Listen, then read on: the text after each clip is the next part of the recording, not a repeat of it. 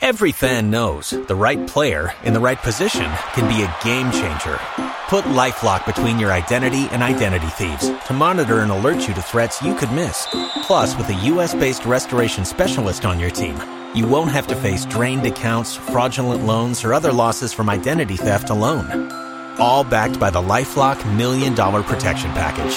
Change the game on identity theft. Save up to 25% your first year at LifeLock.com slash aware.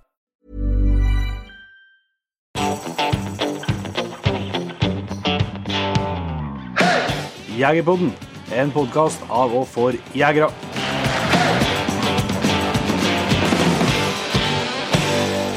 Hjertelig velkommen til en helt ny episode av Jegerpodden Yes. Første episode i sesong seks. 2021. Yes. 2020 over. Ser ikke ut som det gikk så forbaska mye bedre. det kan ikke så mye å si at det ble nytt år, men En dårlig start på nyåret. ja, det var brutalt, det. Men eh, vi eh, Det markerer jo mye for alle. Nytt jaktår eh, for oss. eh, første driftsår ferdig. Mm. Eh, hadde han eh, sagt til meg i januar i fjor at vi ikke kunne ha noen arrangement av noe størrelse eh, i januar, så hadde jeg ikke trodd at vi hadde eh, fortsatt drevet Jegerpodden i januar 2021. At du ikke sto hånda av. Ja, så det er veldig bra. Men eh, vi kan først kanskje starte med å si litt om eh, dagens episode. Det blir faktisk en slags sånn dobbeltepisode. Det kommer eh, en oppfølger òg neste uke. Mm. Eh, Det er et prosjekt som har pågått i Lierne, med navn Jakt i Lierne, som eh, mange har tipsa oss om, og som er et interessant prosjekt tror jeg, for aller fleste jegere. Mm. Egentlig samme hva du jakter. Mm. Så har de der gjort et kraftløft på smårovviltjakt, Mm. for, i håp om å bedre for hønsefuglen. Mm. Eh, Så i episoden her så skal vi prate med en kar som heter for Nils Vidar eh, ja. som er prosjektleder for eh, det prosjektet.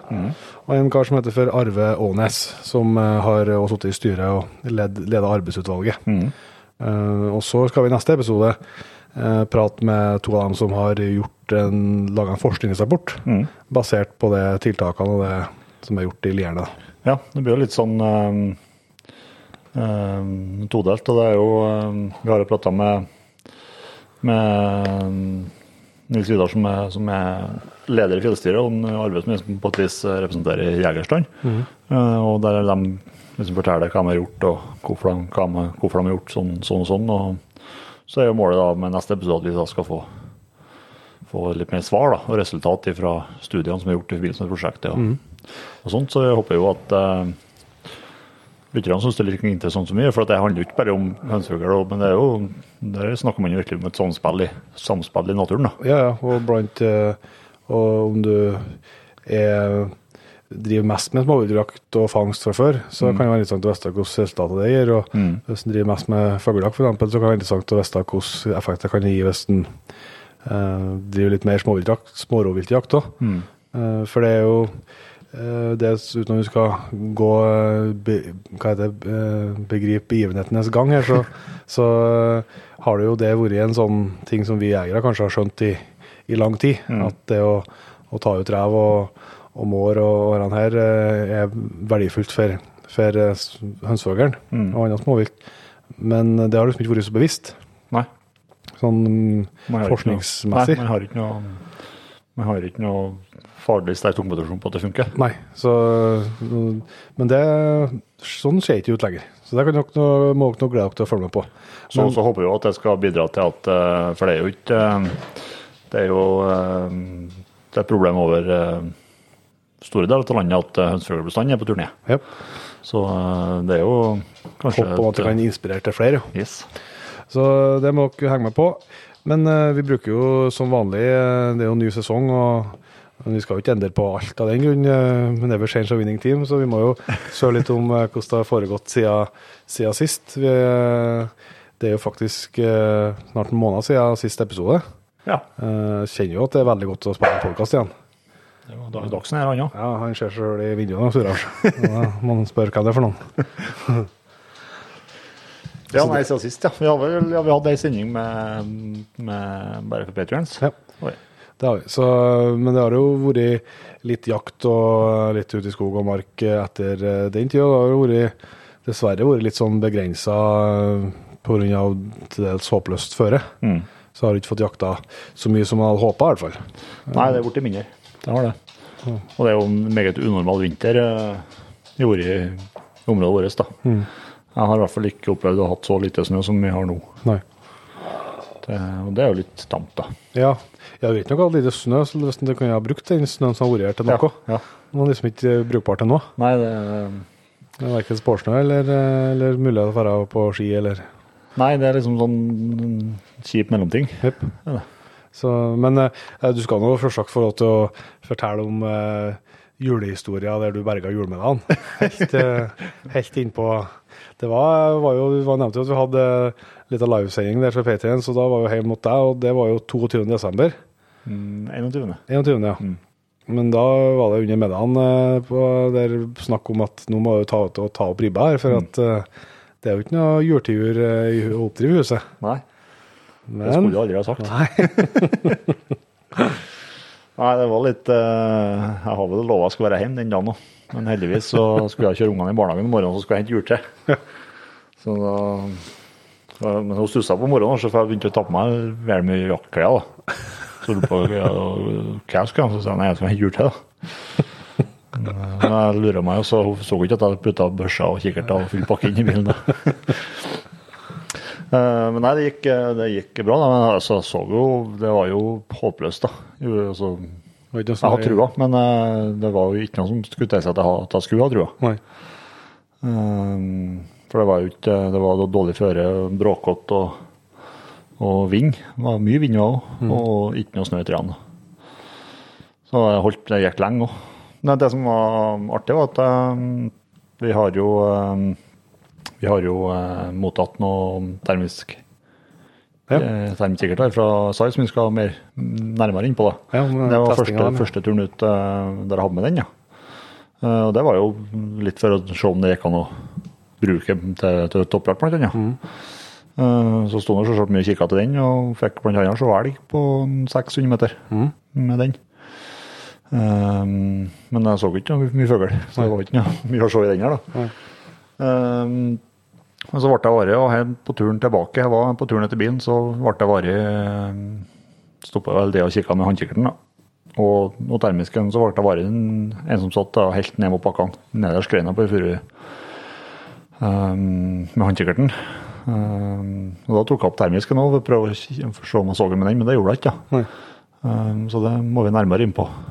Om det, om det er mulig å bruke en sånn, men eh, da, Ja, altså, det- da la jeg den i sekken. Også. Ja, Litt vanskelig, det. Nei, det er nok sikkert kan jo være tilfeldigheter. Ja, ja, ja. Men jeg vet jeg har aldri kikka på storfugl på 200 meter med termisk. Men det kan jo det, jeg, jeg får som det Lise har vunnet og brukt den, eh, den testen så langt nå, så, så eh, skjønner jeg at det er jo det er veldig enkelt å se ting på nært hold. Mm. Men på lengre hold så, så skal du litt, skal du trene øynene litt da, Mm.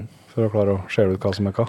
Ja, det ble veldig mye sånn sikksakk-gåing, for jeg syns jeg så eh, Jeg mistenkte at det kom til å sitte en del fugler på bakkene. Ja. Det ble veldig mye sånn sikksakk-gåing, for jeg syns jeg så noe sånn Ja. varmeflekker her og der. Da, så jeg får nå gikk det. Men det er jo det er klart vanskelig det når det er snø og bart om en annen. ja.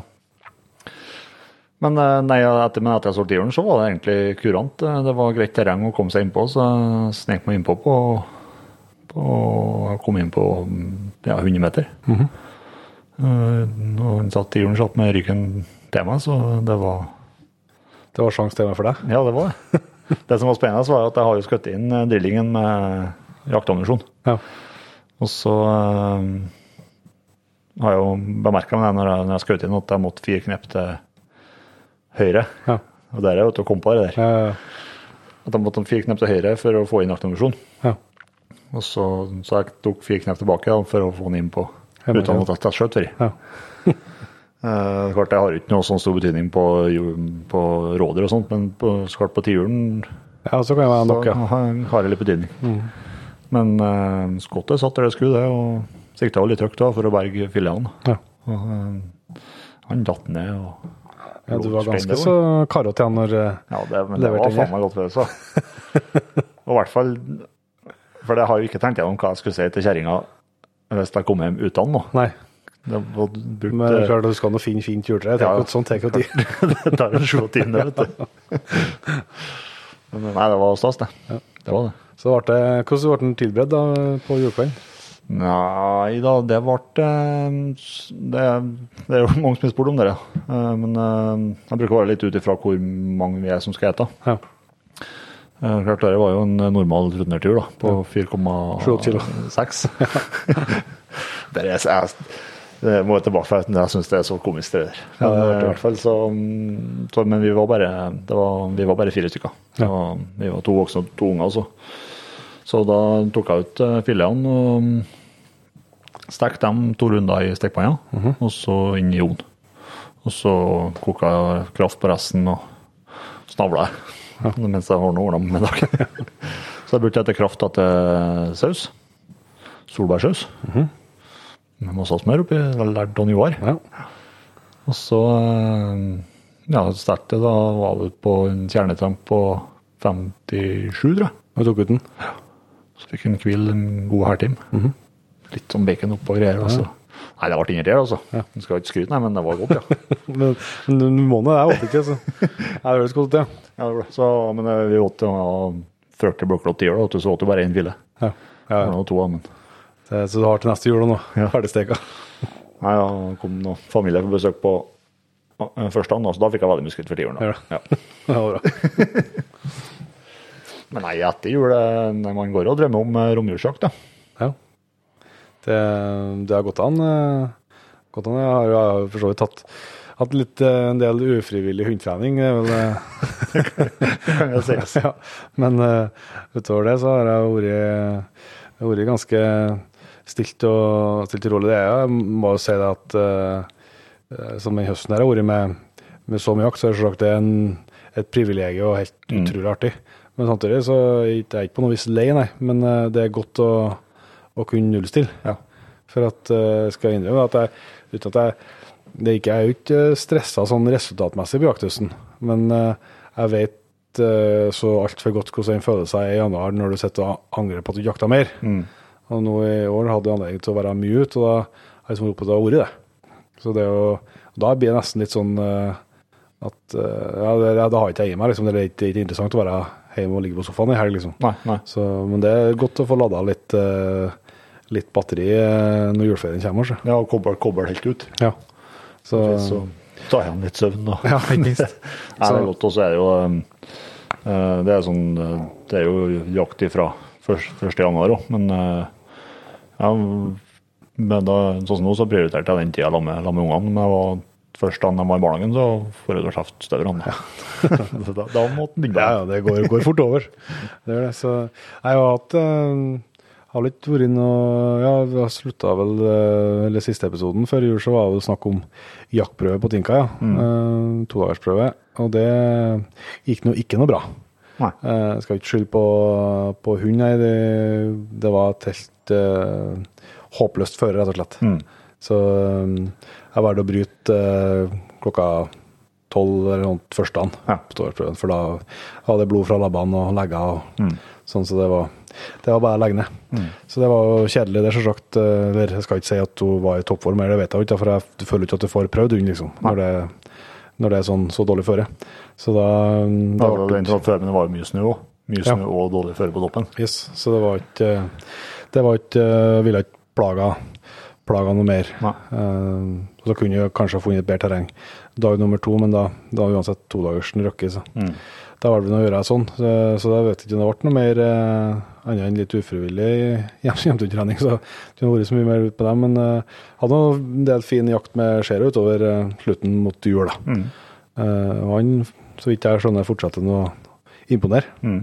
Så vi skal ha jaktprøve med han nå i, i januar. Mm. Så det blir steika spennende. da. Vi Ja. jo drev, drevprøve? drevprøve, ja. Så det blir jo nytt. Både jeg har aldri vært borti verken prøveformen eller jeg har ikke sett meg så mye inn i, i regelverk og sånt heller. Så det blir jo ny Jeg syns det var skikkelig artig å gå og prøve med, med jentungene. Mm. Det var- synes jeg virkelig var litt Ja, forstått det, det jo artig når, det, artig når det går bra. Samme hva du holder på med, men, men, eh, men likevel altså sånn erfaringsmessig Mm.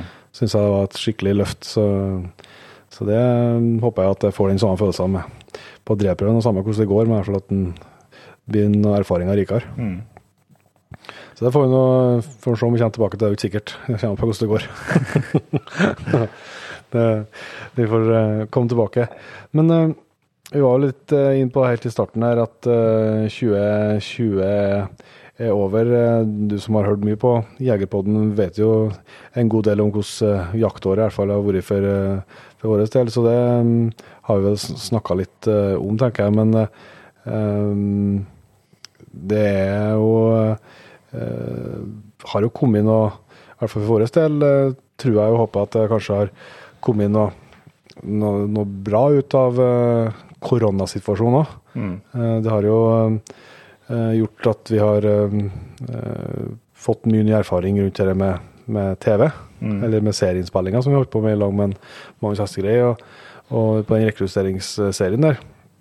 Der er det ikke så lenge til nå vi skal fortelle når vi premieren blir. Nei. Det blir utpå vinteren her. Så det gleder vi oss utrolig mye til å vise fram. Men jeg tenkte også jeg skulle si det at liksom vi ser litt på planene for året framover, så eh, har det kommet ut en nyhet som i hvert fall har kommet ut i Trøndelag. Men det er ikke sikkert at det vet ikke hvor mye kommunisert over resten av landet. Men eh, det er en gjeng på her er lokalt et produksjonsselskap mm. uh, som heter for TMM, som har laga mye, ja, mye bra TV for dere som er like gamle som oss. Så husker dere sikkert på Villmarksliv. Med ikke flere sesonger på TV2, det var de som laga. Eh, for dem som er av unger, så er det kanskje et Villmarksbarna de som lager. For dem som er så interessert i interiør som du er, så er de som lager eventyrlig oppussing òg. Mm. Eh, så de har laga mye, mye, bra for TV. Og de har bestemt seg for å starte en, eh, en TV-kanal som skal hete Naturkanalen. Mm. Som skal være en, ja, en landsdekkende TV-kanal, lineær kanal. Med jakt og fiske og friluftsliv. Mm. Så det Jeg digga ideen med en gang jeg hørte det. Eh, det tror jeg har vært et savn til flere. Mm. Um, og vi har vært med i det prosjektet helt fra, ja, fra starten av. Mm. Og lagt, vi det jo fælt å legge oss oppi. så har vi gjort det òg. Uh, men det, er som sagt, de har bestemt seg for å, for å gå for det nå. Og um, der også får vi um, kanskje bruk for de erfaringene som vi har gjort oss i høst nå. Mm. Så, og så har vi jo begynt å lagt mye planer for podkastsesongen. Mm.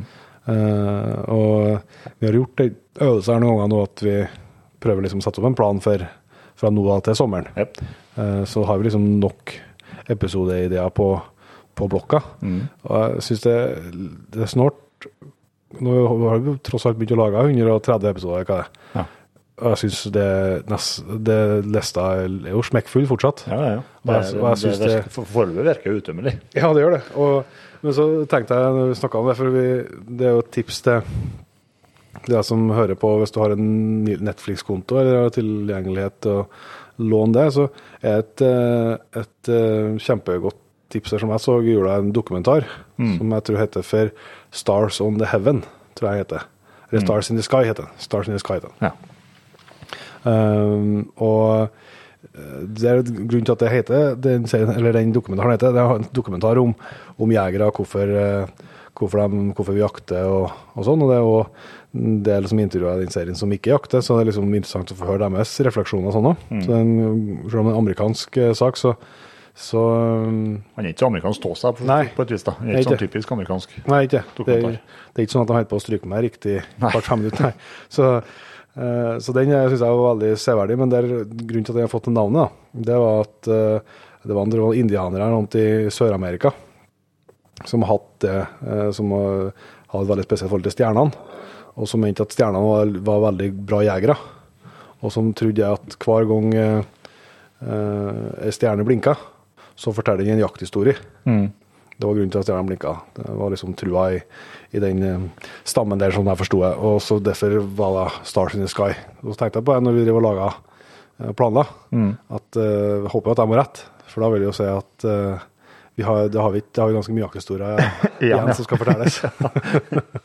så det føles faktisk litt sånn. Det det er utrolig mye spennende folk å prate med, og mye uh, tema både som vi har vært innom, og som vi ikke har vært innom, mm. og som vi har lyst til å mye mer innom. Ja. Så, men uh, som vi sa i jul, så uh, kom gjerne med tips, altså. Det, selv om vi legger en plan for hele sesongen, så, så vet vi jo at vi sjonglerer veldig lett og mye.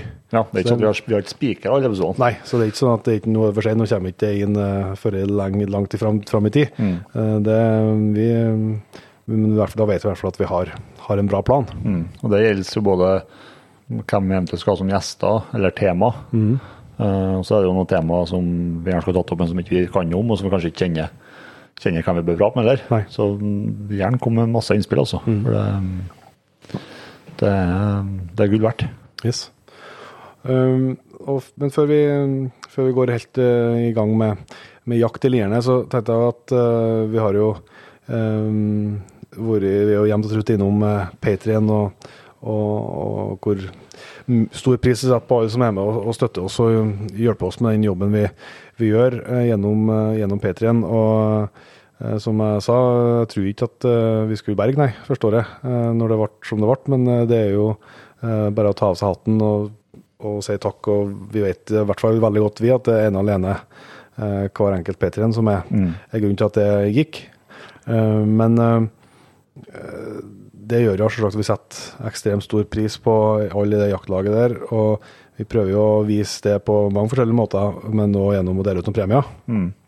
Og eh, før jul der så lanserte vi en heftig premie, syns jeg. Ja, det Ja. Det er, det er vanskelig å så det er vanskelig å inn- inn- innse, rett og slett. Hvor tøff den er. Ja. Så hvis du ikke har fått det med, så har vi fått til et spleiselag i lag med Blazer Norge. Og eh, om vi eh, på et tidspunkt når eh, 2500 patriens, så skal vi dele ut en, eh, en Blazer R8 eh, Ultimate Leather med Jegerpodden Edition. Mm. Jegerpodden-logo i, eh, i, på kolben. Den er så fet, den. Ja, det er eh, et vakkert våpen. Ja, jeg tror vi har jo vært ute med det sak før jul, og vi skal jo til avslutningsvis her eh, takke eh, alle nye P3-ene som har kommet inn. Og når en ser på den lista, så virker det ikke som det er bare jeg og du som har, har steka løs på den der. da. Nei, det, kommer vel til å tydelig fram, det. Ja. ja. Så det er jo den eneste i eneste verden som en av heldige P3-ene skal, skal få, skal leveres i kaliberet Eh, 8,5-55 mm. blazer. Eh, så ja, eh, jeg er litt spent på hvordan vi skal få lura til oss. vi skal få lura til oss det. Men, men jeg må jo si tusen takk til Blazer Norge for at de har hatt lyst til å være med oss på spleiselaget. Mm. Vi har ikke klart det alene, for å si det sånn, så det setter vi kjempestor pris på. Eh, og så håper vi jo selvsagt at vi på et tidspunkt når det målet i lag med, med P3, så vi får dele ut den. Det er kjipt uh, hvis det stopper der, så at, vi, at den er aldri altså, For at det var artig å fortsette den, så jeg håper jo at vi, vi når det. Og det kommer litt sånn spørsmål eh, om eh, Men så bare for å forklare hvordan eh, det er helt kjapt, så, så er det viktig at altså, den dagen, hvis den dagen skulle komme, da, for vi må jo si sånn, vi vet jo ikke noe om det, men hvis den dagen skulle komme at vi når 2500, så tar vi ut lista da. Og da er de 2500 som er aktive Patriens da. Det vil si at hvis du var, har vært registrert og f.eks. kortet har gått ut, ehm, så er du, er du ikke med på den lista, selv om du har vært Patrion. Så det er det blant dem som er aktive eh, Der og da. Det er dem vi har, der vi har kontroll på antallet. Så at eh, Det er litt kjekt, kjekt å følge med sjøl, ja. ja, det kan være eh, greit. Og, vi vil jo, og det vil jo være samme, så du får ikke høre en episode her hvis du har, eller det andre episoden her, hvis du har datt ut eh, fra kortet har gått ut, f.eks. Eh, så du vil jo legge merke til det. Men, eh, men det er i hvert fall eh, sånn, det, sånn det blir gjort, da. Sånn at uh, ikke noen som blir tror de er med, så viser det at de ikke er med på rekka likevel. Så det er i hvert fall det tipset gitt. Men uh, da, Jon Inge, tror jeg vi skal til å sette over til lierne. Ja, vi gjør det. Da har vi gleden av å ønske Nils Vidar Brattelandsmo og Arve Aanes hjertelig velkommen til Jegerpodden. Takk for det. Takk for det. Vi skal jo kose oss en stund her nå og høre om et eh, prosjekt som dere med, med mange flere har eh, vært engasjert i over eh, flere år, som heter Jakt og lierne. Eh, tips som vi har fått fra ganske mange, egentlig. At det burde vi ha sjekka ut mer. Vi har visst om prosjektet en stund, så vi gleder oss nå på å høre litt eh, erfaringer dere har gjort dere. Men før vi starter med det, så kanskje du Nils Vidar, kan starte med å fortelle litt om deg sjøl. Ja, det kan jeg gjøre. Jeg er jo født og oppvokst her i Lierne. Og egentlig bodd her det meste av livet. Vært litt ut eh, tidligere, da. Og må, må jo ut på videregående, som alle oppi her må. Jeg har gått eh, tre år i Meråker på videregående, og så har jeg studert i, på Levanger og i Trondheim. Studert biologi og idrett i sin tid. da. Og så har jeg jobba tre år på videregående i Grong før jeg flytta hjem i 96. Og siden 96 da, så har jeg bodd her og jobba som fjelloppsyn og daglig leder for fjellstyra i Lierne. Ja. Ja. Da, det er der skal passe deg for, da. ja. ja, det vet du. Enn eh, du, Arve? Eh, 42 år. Jeg er òg oppvokst i Libygg. Mhm. eh, Utdanna snekker, tømrer, men jeg overtok hjemgården ute på Ånes. Ja, Og driver eh, som bonde, melkeproduksjon til samdrift akkurat. ut på neset. Eh, dere er nå eh, ivrige jegere, begge to. Ja. Hvordan, eh, hvordan var det dere Vi Jeg er litt sånn interessert i å høre litt fra starten. Sånn, hvordan var dere kom i gang med jakta og sånn? da? Ja, for min del så jeg kommer vel ikke fra noe sånn eh, Så det er ingen av foreldrene mine som jakta, men jeg har noen onkler som jakta, så i starten så var det vel det at jeg var med, var med dem ute på jakt. Før jeg fikk eh, lov til å jakte noe sjøl. Og så tok jeg nå jegerprøven eh, i forbindelse med skole, altså grunnskole. Valgfag der.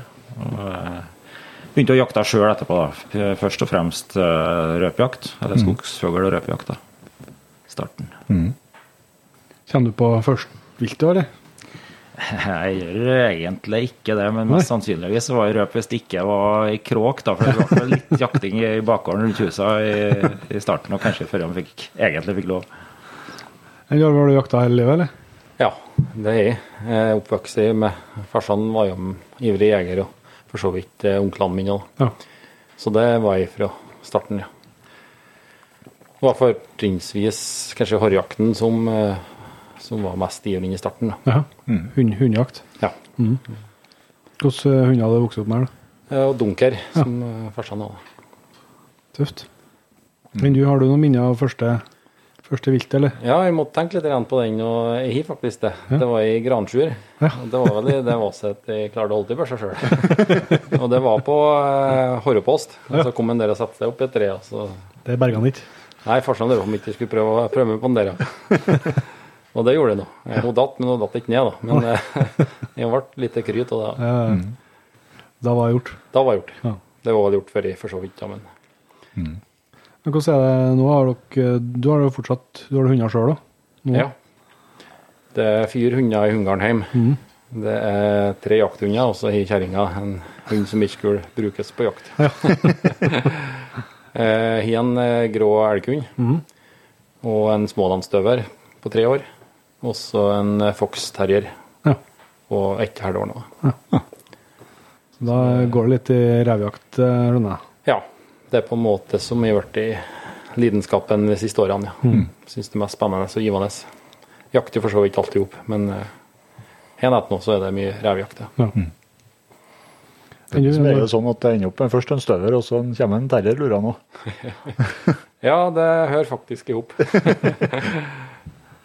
Har det funket en eh, terrier? eller? Nei, eh, han tør ikke å gå ned igjen, da. Nei.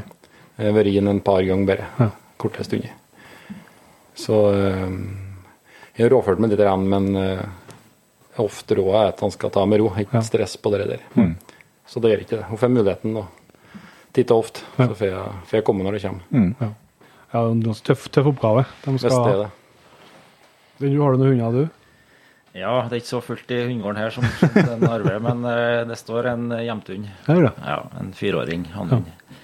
Uh, ble jo grunneier på 90-tallet, her, og da med elgrett, og da ble det jo artig å starte opp med elgjakt. Ja. Og så da så er vi hjemthunder, da. Det vil si ha Laika, Østleika i starten. Ja. Så vi ble det unna etter hvert. Ja. I dag står jeg det er en liten plan om å faktisk eh, prøve ut en fuglehund. Ja. Som en Stående. Ja. Ja. Mm. plan om en setter etter hvert, ja. Skjønner. Bid- vi skal jo inn, dere har jo bidratt til at det er litt mer å bruke fuglehundene på oppe i Lierne. Med prosjektet som eh, dere har gjort der, så skjønner jo at det frister mer og mer da òg. Ja, ikke sant? Nei, jeg må jo ta ut noe av de effektene. Hvis vi går litt på begynner å snakke litt om eh, jakt i, eh, i lierne, da. som kanskje kan si det i starten også et prosjekt for å se om man kan få gjort noe med smårovviltbestanden. Er det riktig å oppsummere hva prosjektet handler om, på et vis? Ja, det, det er jo det. det. Det var jo å se om det var mulig å, å motivere til mer jakt på smårovvilt. Og se om, det, om man fikk opp interessen såpass mye at den øka uttaket. Og at den til slutt klarte å begrense, regulere bestanden noe. Ja. Og med igjen med målsetting om å kanskje få opp bestandene av mer typisk jaktbart uh, matvilt. Da. Det stemmer, det. Here's a cool fact a crocodile can't stick out its tongue. Another cool fact you can get short term health insurance for a month or just under a year in some states.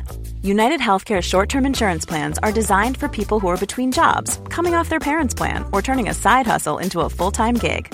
Underwritten by Golden Rule Insurance Company, they offer flexible, budget friendly coverage with access to a nationwide network of doctors and hospitals. Get more cool facts about United Healthcare short term plans at uh1.com. Så bakgrunnen for dere, at dette kom i gang, kan vi kanskje starte der. Hvordan eh, Altså, bakgrunnen altså at det var dere eh, Det er vel en kjent eh, rundt om i store deler av landet at det har vært Man jeg følte på mindre matvilt, som du sier, over lengre tid. Det som liksom var bakgrunnen bakgrunn for at dere starta opp, eller var det noe Ja, det, for vår del, for fjellstyret sin del, så var jo det. Eh, Det her Småviltjakta er jo en viktig sak oppi Lierne her. Eh, Viktig bit for fjellstyret. Eh, Det dreier seg om ganske mye ressurser. Det er mye besøkende knytta til, til jakta. Så det er, det er viktig å klare å opprettholde et eh, attraktivt jakttilbud i Lierne. Og det vi så, det var jo at eh, vi har nesten hatt en 20-årsperiode der eh, fellingsstatistikkene på, på røpa spesielt da gikk eh, sakte, men sikkert ned. Og det var jo ikke, for så vidt ikke bare her i Lierne, det var like mye nasjonalt. da. Eh, og vi så for så vidt også på takseringene eh, at eh, bestandene, tettheten, gikk sakte, men sikkert ned. Trenden, trenden var sånn over en 20-årsperiode. Og det, det endte jo opp med at en diskusjon rundt det med rødlisting eh, rundt Ja. 2013-2014. Så det var én av grunnene, altså den trenden der. Og så så vi samtidig med sånn fellingsstatistikker på en sånn Lierne. Ja. Og, og statistikkene der viser jo motsatt trend på smårovviltet. Det ble eh, skutt i mer og mer ræv og fanga mer og mer mår. Så det er jo på en måte litt sånn motsatt trend. Det er klart det er en uheldig utvikling over tid hvis Ja. man skal, skal tilby òg hønsefugljakt, da, eller røpejakt. Men eh, og, det, og den på en måte trenden der er jo på tross av at man eh, over ganske lang tid har prøvd å redusere litt på jakttrykket. eh, Man har begrensa kortsalg.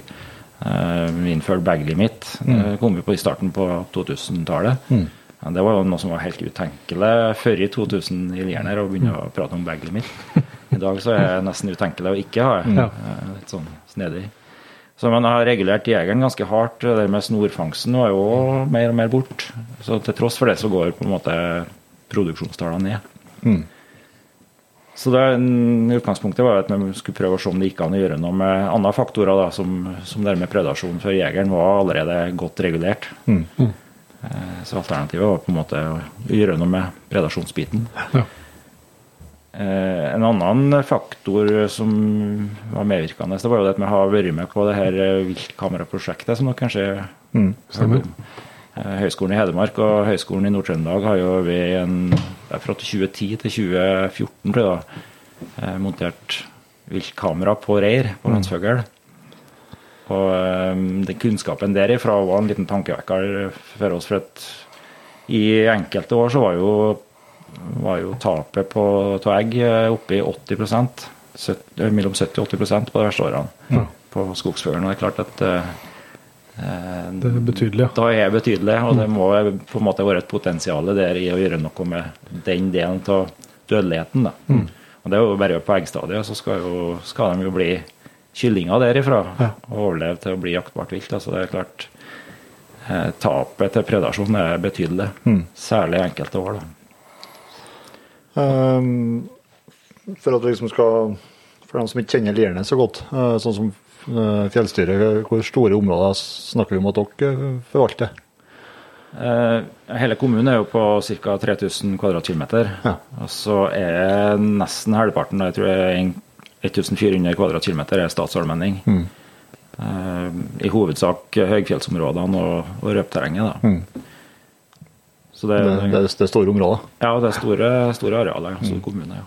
Men relativt få innbyggere. da, Det er jo God plass. 1300 innbyggere, 1350, så det er en kvadratkilometer hver. På, på statsallmenning. Ja, på statsallmenning. Ja, så vi to, to hver dag når det er med hele kommunen. Men eh, hvordan eh, så dere ut fra jegernes eh, Du sa at det var fjellstyret som tok det opprinnelige initiativet her, eller var det en kombinasjon av, av fjell, altså til å sette i gang prosjektet? Altså det har vært prata om eh, blant eh, de fleste grunneiere grunnjegere og jegere om at det burde ha vært gjort et eller annet. Men det var fjellstyret som tok initiativet, og litt på bakgrunn av at eh, det i Stjørdal var gjort et tilsvarende eh, prosjekt, eh, jakt i Stjørdal, jakt i Værnesregionen, med Ivar Rimul og Stian Almestad og noen til.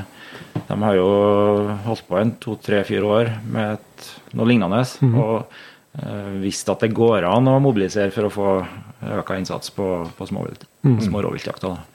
Så eh, det var fjellstyret som inviterte eh, kommunen, jegerrepresentanter og grunneierrepresentanter til et møte der vi begynte å diskutere de problemstillingene. Da. Det var bred enighet om at man, man burde prøve å få til noe, noe i den gata som Stjørdal har starta på. Da. Hva som ble for jeg, Allerede nå så tipper jeg at en del av lytterne som tenker at eh, dette skulle man gjort flere plasser. Eh, Hva ble gjort liksom i starten fra dere bestemte dere for at eh, dette må vi gjøre noe med? og Hvordan organiserte dere og bygde liksom videre? Det starta vel egentlig med at vi laga en, en prosjektplan. Mm. Det vi prøvde å tenke eller planlegge i en femårsperiode. eh, Hva for noen tiltak vi skulle gjennomføre, da. så prioritere litt i forhold til det. Eh, Vi ble enige om å lande den prosjektplanen, så begynte vi å jobbe litt med finansiering. Mm. for det, skal man få gjort dette her eh, ordentlig skulle du si, og grundig, så, så krever jo litt ressurser. Så vi satte i gang en prosess med å søke ut noe penger, og var heldige og fikk med oss bl.a. noe som heter for Trygve Godtåsfond. Et sånn Oslo-basert fond som, eh, som eh, penger til vilttiltaksformål og til viltforskning. Da. Så, eh, ja, så begynte vi å organisere det opp med et styre og arbeidsutvalg. Og eh, fra og med sommeren 2014 så begynte vi å gjennomføre tiltakene. da. Et veldig sånn bredt sammensett styre på Vi var vel til sammen ti, tenker jeg. Eh, Men det er et valgt et arbeidsutvalg på seks, som på en måte er i drift av mye av Ja. tiltakene i lag med eh, et nettverk ellers av grendekontakter, i grunnjegere og jegere osv. Og i det arbeidsutvalget der var du med. Ja. Jeg er i styret òg, men eh, som mest drift i arbeidsutvalget. Da var du skulle representere jegerstand. Jegerrepresentant, ja. Var det samme enighet om at det måtte, måtte gjøres noe blant jegerne, eller? Ja, Ja. det var jo det. Det Veldig det, positiv holdning til de fleste. Han. Og eh, du blir jo møtt litt igjen der med at eh, det er ikke noe for seg. Predasjonsjakten. Altså det er noen andre som styrer. Så det er positivt for fra jegerne. Ja. Ja, for det, det var jo Nå, nå er det litt på tynn is her, men, eh, men det var jo ganske populært i hvert fall med revjakta som sånn i liv fra før av òg. Ja, det var det som eh, har vært mest av på historisk, så er vel gluggjakt. Ja. Som på en måte har vært det som har blitt mest uttak når det gjelder mm. hele Mm. Så det er vel jaktformen som kanskje dreide litt på seg i senere tid. Ja. Nå blir man nesten sett litt ned på det som skjedde fra og ikke, ikke har noe los. Ja, det blir det jo. Nei da, det blir ikke det. Eh, Du blir nok heller rosa opp i skyene hvis du skjøter en rev. Status. Men eh, det er noe lov å nevne på butikken, ja. Men eh, kanskje den prosjektplanen da, kan være en, en bra plass å, å starte for å liksom forklare litt dynamikken i det prosjektet. Altså hva man har eh, eh, Hva som har vært vært viktig for dere, eh, eh, og hva man har jobba konkret med. da. For det er jo, som du sier, du må den finansieringa pga. at det er jo et Det er ikke eh, Det er mange ender i, i et sånt prosjekt. Ja. Eh, For jeg har sett litt på noe som eh, er å, eh, Dere har liksom delt opp den prosjektplanen i, eh, i, på, i flere punkter. Og det med organisering, kunnskap, formidling og jaktkultur eh, starter det med. Ja, det stemmer. Det er eh, en måte tre hovedpunkt, eller egentlig fire, da. Eh, er hovedbolker. Og den ene er som du sier, det som går på organisering, kunnskap, kul- jaktkultur. Eh, det det i hovedsak eh, dreier seg om der, det er å få løfta statusen og interessen omkring dette her. Eh, for det er jo på en måte noe av kjernen hvis du skal få noe, noe varighet og noe langsiktighet ut av dette. her. Eh, Så blir det på en måte bare en jobb du gjør i fem år, og så, og så dør du ut. Ja. Så det, det handler jo mer om å få opp den generelle interessen for uh, smårovviltjakt. For det, etter mitt skjønn er jo en veldig sånn underutnytta jaktressurs. Eh, her kan mange flere jakt. Eh, så er det litt sånn motsatt på, på hønsfuglen, på røpa spesielt, at den er jo overutnytta bortimot. Ja. Så eh, hvis man klarer å balansere opp dette her, så, så er man kommet langt. Mm. balansere eh, jaktinteressen der. og jeg tror veldig mye handler jo om interesse og status. Eh, Ser jo røpejakta i dag har jo veldig til status. Eh, mens kan kanskje se en gryende søkende status på det med smårovviltjakt, mm. syns jeg.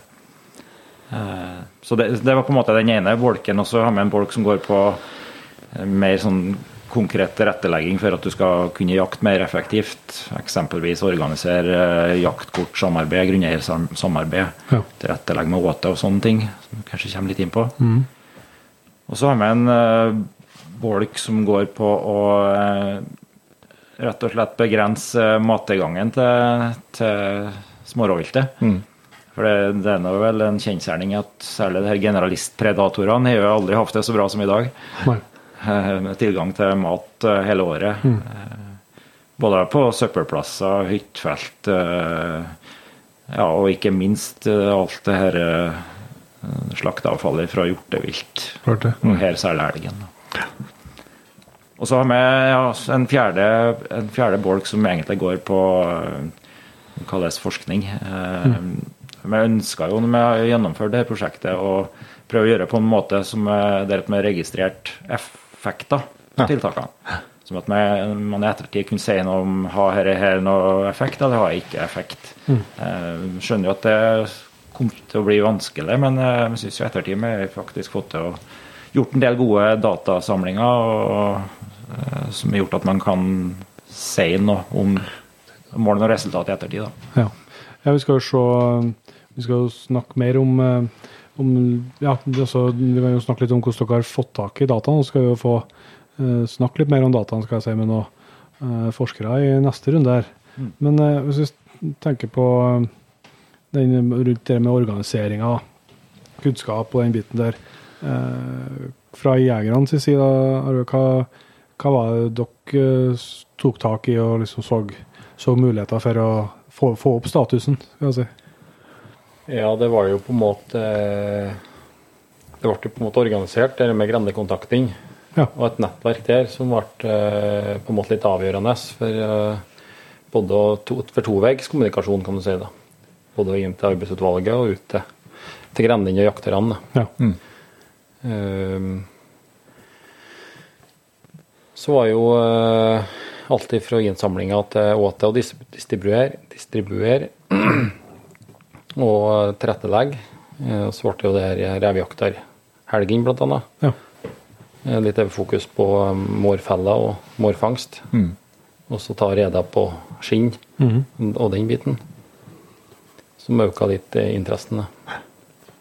Det er klart, det, som du sier, altså, det, det er jo en, en stor kommune. Med, det er mye areal, men det er ikke minst det er mye, det er mye bygder rundt om. Altså, det er veldig mye sånn småbygder med sikkert mange forskjellige jegere. Det nytter ikke å skal drive og kjøre imellom eh, hvis det blir, skutt en rev oppi, oppi Ingersvatnet, så er det langt unna. Skal vi ha klipperen av den, f.eks.? Ja, det, i forhold til det praktiske så, så var jo det avgjørende. Så, Ja. få, og det sånn generelt når vi starta opp, så var det viktig å få til et, eh, en bred forankring her, eller et bredt engasjement til det. Så at man har med seg hele kommunen. eh, Og, og, både jegere og grunnjegere. Eh, Og for så vidt òg kommunen og, og myndighetene. Mm. Så Derfor ble kommunen delt opp i sju grender, med, som Arve sier, med, med hver sin grendekontakt. Delvis to grendekontakter mm. som skulle være med og, og legge til rette og gjøre, være et sånt bindeledd mellom prosjektet og jegerne i grendene. Mm. Og gjøre det praktiske, som du sier, med å klippe kløneren og, og dok få dokumentert fangst. da. Ja. Og det- og det har vært helt avgjørende for at dette har på en måte fungert i hele kommunen. da. Så dere har etablert ei nettside til prosjektet. Ja, der er jo lagt ned store ressurser. Ja. Og det er vel eh, Det så vi jo fort, og ser i ettertid, at det er nok eh, navet til hele prosjektet. Ja. Som skaper eh, aktivitet, opprettholder aktiviteten, der du samler dataen og kan bruke dataen. Ja. Eh, Ja, for dere har hatt fellingsbørser og, og informasjon om prosjektet og hvordan det går, og alt jobb samla på én plass. ja. Der du får opprette en bruker-ID og legge inn eh, f.eks. fangst Ja. med en gang du faller, og så en del opplysninger du kan putte inn i forhold til, til viltet. En del samledata, da. Så eh, Ja, jeg tror nok den hjemmesida har vært viktig òg i forhold til den her eh, status- og interessebiten. Ja, ja. Eh, Særlig den her eh, fellingsbørsen. Ja. Det blir et visst konkurransepreg over eh, Det er ikke noe tvil om det. altså, også på en måte ikke konkurransen nødvendigvis vært om å være først på børsen. Nei, nei. Det kan like så godt ha vært å være framom en kompis eller en, en, noen annen. Da, ikke sant? Man konkurrerer på ulike nivåer. Eh, så, og vi vet jo veldig mange førsteåret i hvert fall var jo innom denne børsen hver dag og sjekka. Så det er klart det gjør noe med interesse. Gjør noe, det blir en liten sånn sosial ting rundt det og en snakkis. da. Og Det tror jeg må være med på å løfte både interesse og status. da. Ja, ja det, det, det, må det gjøre jo. For det, det blir jo sånn å sjefe meg på neset òg, hvis det, naboen er innom og melder ser at noe naboen skutt av. Da må jeg få lyst ut, da. det blir eh, konkurranse direkte. Altså, vi har fått samla en del eh, data som du sier, gjennom det her eh, registreringene. Så du kan jo spille opp da, se er det skutt mest i nordlig eller sørlig. selvfølgelig. Ja, konkurransen. ja, ja, Altså, ja. så er det, det er sju grender. Og så vil vi sette opp statistikker som viser hva hen i lierne hva for noe grend på en måte som, som tar ut mest mår, og hva som tar ut mest strev. Og så kan du, kan du bruke det også som en kunnskap for å, Ja. hva hen du skal på en måte sette inn tiltak. da. Eller på en måte stimulere til mer innsats. Og den sida har vært nyttig. Nå, det har vært en jobb som du var inne på med å forenkle tilgangen, altså jaktkort. da. Hvordan eh, grep dere an den prosessen? Og kom liksom, hvor, hvor endte dere opp hen? Hvor er dere i dag nå? I forhold til grunnjegersamarbeid? Ja, I utgangspunktet så er jo rimelig greit organisert på småviltsida i Lierne fra før. Det, det, Statsallmenningen er jo halve kommunen, og så der er jo enkelt med ett kort. da. Eller to kort. Ett i nordlig, ett i sørlig. Og så har du en del grunneierlag, men òg en del områder som er bare enkelt grunneiervis. da. Det er klart, Skal du til med små rovviltjakt og revejakt, så krever en del areal. Hundene går, jo, går jo vidt. Og vi ønsker jo innsats i hele kommunen. Som vi utfordra grunneierne på å bli med på et felles jakt i Lierne-kort. Eh, Der grunneierne fikk eh, på et vis overlevne eh, retten til å selge jaktkort til jakt i Lierne. Ja. Eh, og da fikk vi med oss over 75% av kommunen på et felleskort. Eh, Vi har sikkert fått med flere om det har litt med kapasiteten vår til å spørre og få samla inn eh, grunneier-underskrifter. da. Ja. Men eh, nå er vi med en eh, ja, 75-80% av kommunen er med på det kortet, og det ligger ute på Innatur, kan kjøpes for 200 kroner. Og inntekter fra det jaktkortsalget går jo til jakt og lierne-tiltak. Ja. Så det går jo tilbake til, til å stimulere til enda mer eh, tiltak knytta til smårovviltjakt. Mm. Har du arbeider både sett fra jegersida og på grunneiersida, her, hvordan har det fungert med det kortet? Har det vært en, et løft for å, for å få tilgang og for, eh, for jegerne? Ja, det vil jeg si. Det er jo klart, i noen områder så var jo tilrettelagt før. Ja. Eh, og så, så lenge at kj- du jakter i kjente områder, så har du jo som regel tilgang fra før. Men det åpner jo opp for nye og kan jakte på andre plasser. Ja. Og det kan åpne opp når du kan jakte fra åtebua eller en felles åteplass. Så det er vært et løft, ja.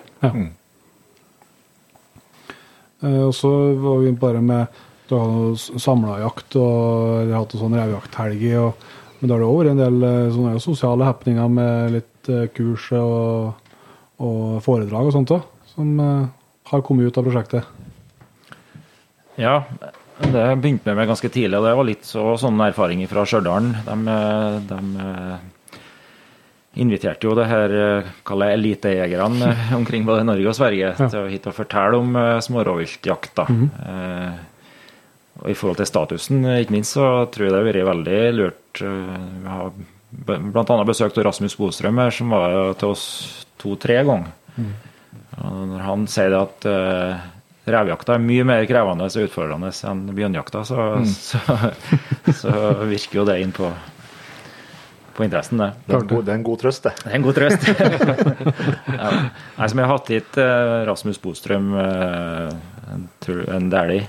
Tor Ola. Tor Ola Dæhlie, ja. Og eh, Robert Salomonsson. Han Jens Kvernmo hit. Han, eh, og det, det var både kompetanse og inspirering, da, inspirasjon. Og Man ser jo, ser jo på at det dukker opp nye navn på det her eh, fellingsbørsene våre. Ja. Så det, vi klarer jo på et vis å rekruttere nye, da. Jeg husker jeg var oppe på en av de første revejakterhelgene som var når da han eh, Rasmus eh, da han foredrag på fredagskvelden. Og det var Jeg visste ikke nesten ikke at det fantes så mye jegere oppe i lia, men klart det var mange utenfra òg. Men eh, dæken, det var mye folk i, i, i forsamlingslokalet. da. Ja, jeg var jo litt spent på det. Det var jo, ja, på det foredraget var jo sikkert 150 i hvert fall. da. Eh, Men på den revejakterhelga så var vi jo litt spent på om det kom til å møte opp noen. Men eh, vi var jo oppunder 100 deltakere på, Ja. på det første andre året med, med jakta. Så det blir en bra andel av befolkningen. Men samtidig så har vi hatt en del utenfra, særlig fra Namdalen ellers, mm. folk som er over snittet interessert i revjakta. Ja, det er ikke, det er ikke bare det man kan jakte.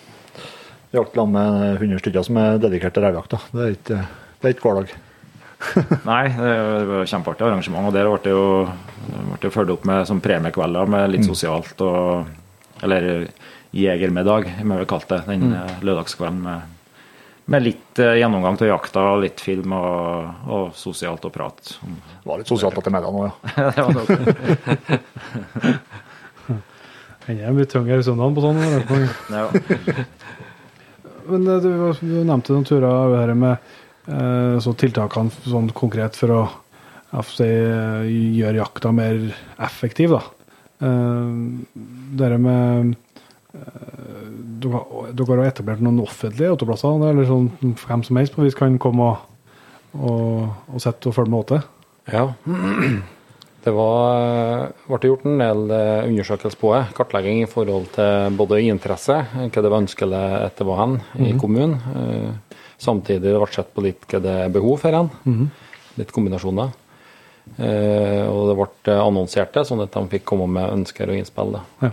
Så vi landa på eh, to buer i starten. Så ble det den tredje til slutt. Og det ble vel eh, laga ei mobil åtebu, eh, sånn at vi kunne flytte senere. Hun er stasjonert oppe i Løsselia, Ja. noe midt i kommunen. nært bilvei. Det er strøm, så det er innlagt eh, varme. Det er òg vedovn hvis hun skal flyttes der det ikke er strøm. da. Sånn at komforten skulle være grei. Sånn at eh, opp imot rekruttering så skulle du ha i, i greie natter. Ja. Eh, så ble det tilrettelagt med lys og varslere. Ja. Sånn at, eh, og andre var jeg på fjellstyret og hytte bort på Kveidet. Som eh, et anneks som jeg fikk bruke. da. Ja. Som ble som ei åtebu. Så dere, dere er bokbar fra, fra jakt til igjen, da? Ja. Ja. Han logger seg inn på hjemmesida, og så er det en bookingskalender. Og da kommer jeg opp der når du hvilken tid du ønsker å være der. da. Det må jo være et tips hvis noen har lyst på billig overnatting òg. Ja. Jeg hadde ikke tenkt på det. Jeg må ikke vise at kjerringa ikke det han er. Men altså, så har gjort eh, noe som jeg merka meg i eh, forberedelsene her, da, at du har gjort noe sånn både innkjøp av feller, så folk kunne få lån og komme i gang med, med, med den delen. Ja, det ble kjøpt inn en 50-60 målfeller og så noe grevlingbur. Ja. Eh, først og fremst rekruttering, men eh, og da prater vi ikke bare om ungdommer, det er jo eldre folk også som ikke er bedrevet. Eh, og de ble lånt ut eh, to første årene. Ja. Eh, det er ikke så mye sirkulering på det, men at de er nå ut. Ja. Og håper nå de er i drift. Det er det som er viktigst, at de står ute. Ja. De fanger ikke mye i garasjen. Nei, de er ikke det. Det kan vi jo ikke love, da. Men at, hva de står igjen. Men de er utlånt, alle i hop. Ja. Ja, men jeg tenker Det er jo veldig fint eh, tiltak, da, for det klart eh, det er jo ikke det er kjempedyrt, men det koster jo noen kroner liksom, for å Da får du i hvert fall testa og prøvd det og se, se om det er noe for, for deg, liksom. Ja. For den som ikke har vært borti det før. Det er en, et spark bak for å komme i gang. Lettere å starte opp. Ja. Men sånn som det her åtebyen, da, hvordan ble det mottatt, da? Eh, det er jo ingen eh, som er negativ til det, men vi ser jo det at Lierne er jo kjent som sagt for eh, golgejakt i soveromsklasse. Skjøt hjemmefra. Eh, så det er nok ikke så lett eh, Det er mye lett tilgang hjemmefra, tror jeg. Ja, Det er mange som har åte, fra før og Ja. har det hjemme, ja. Ja.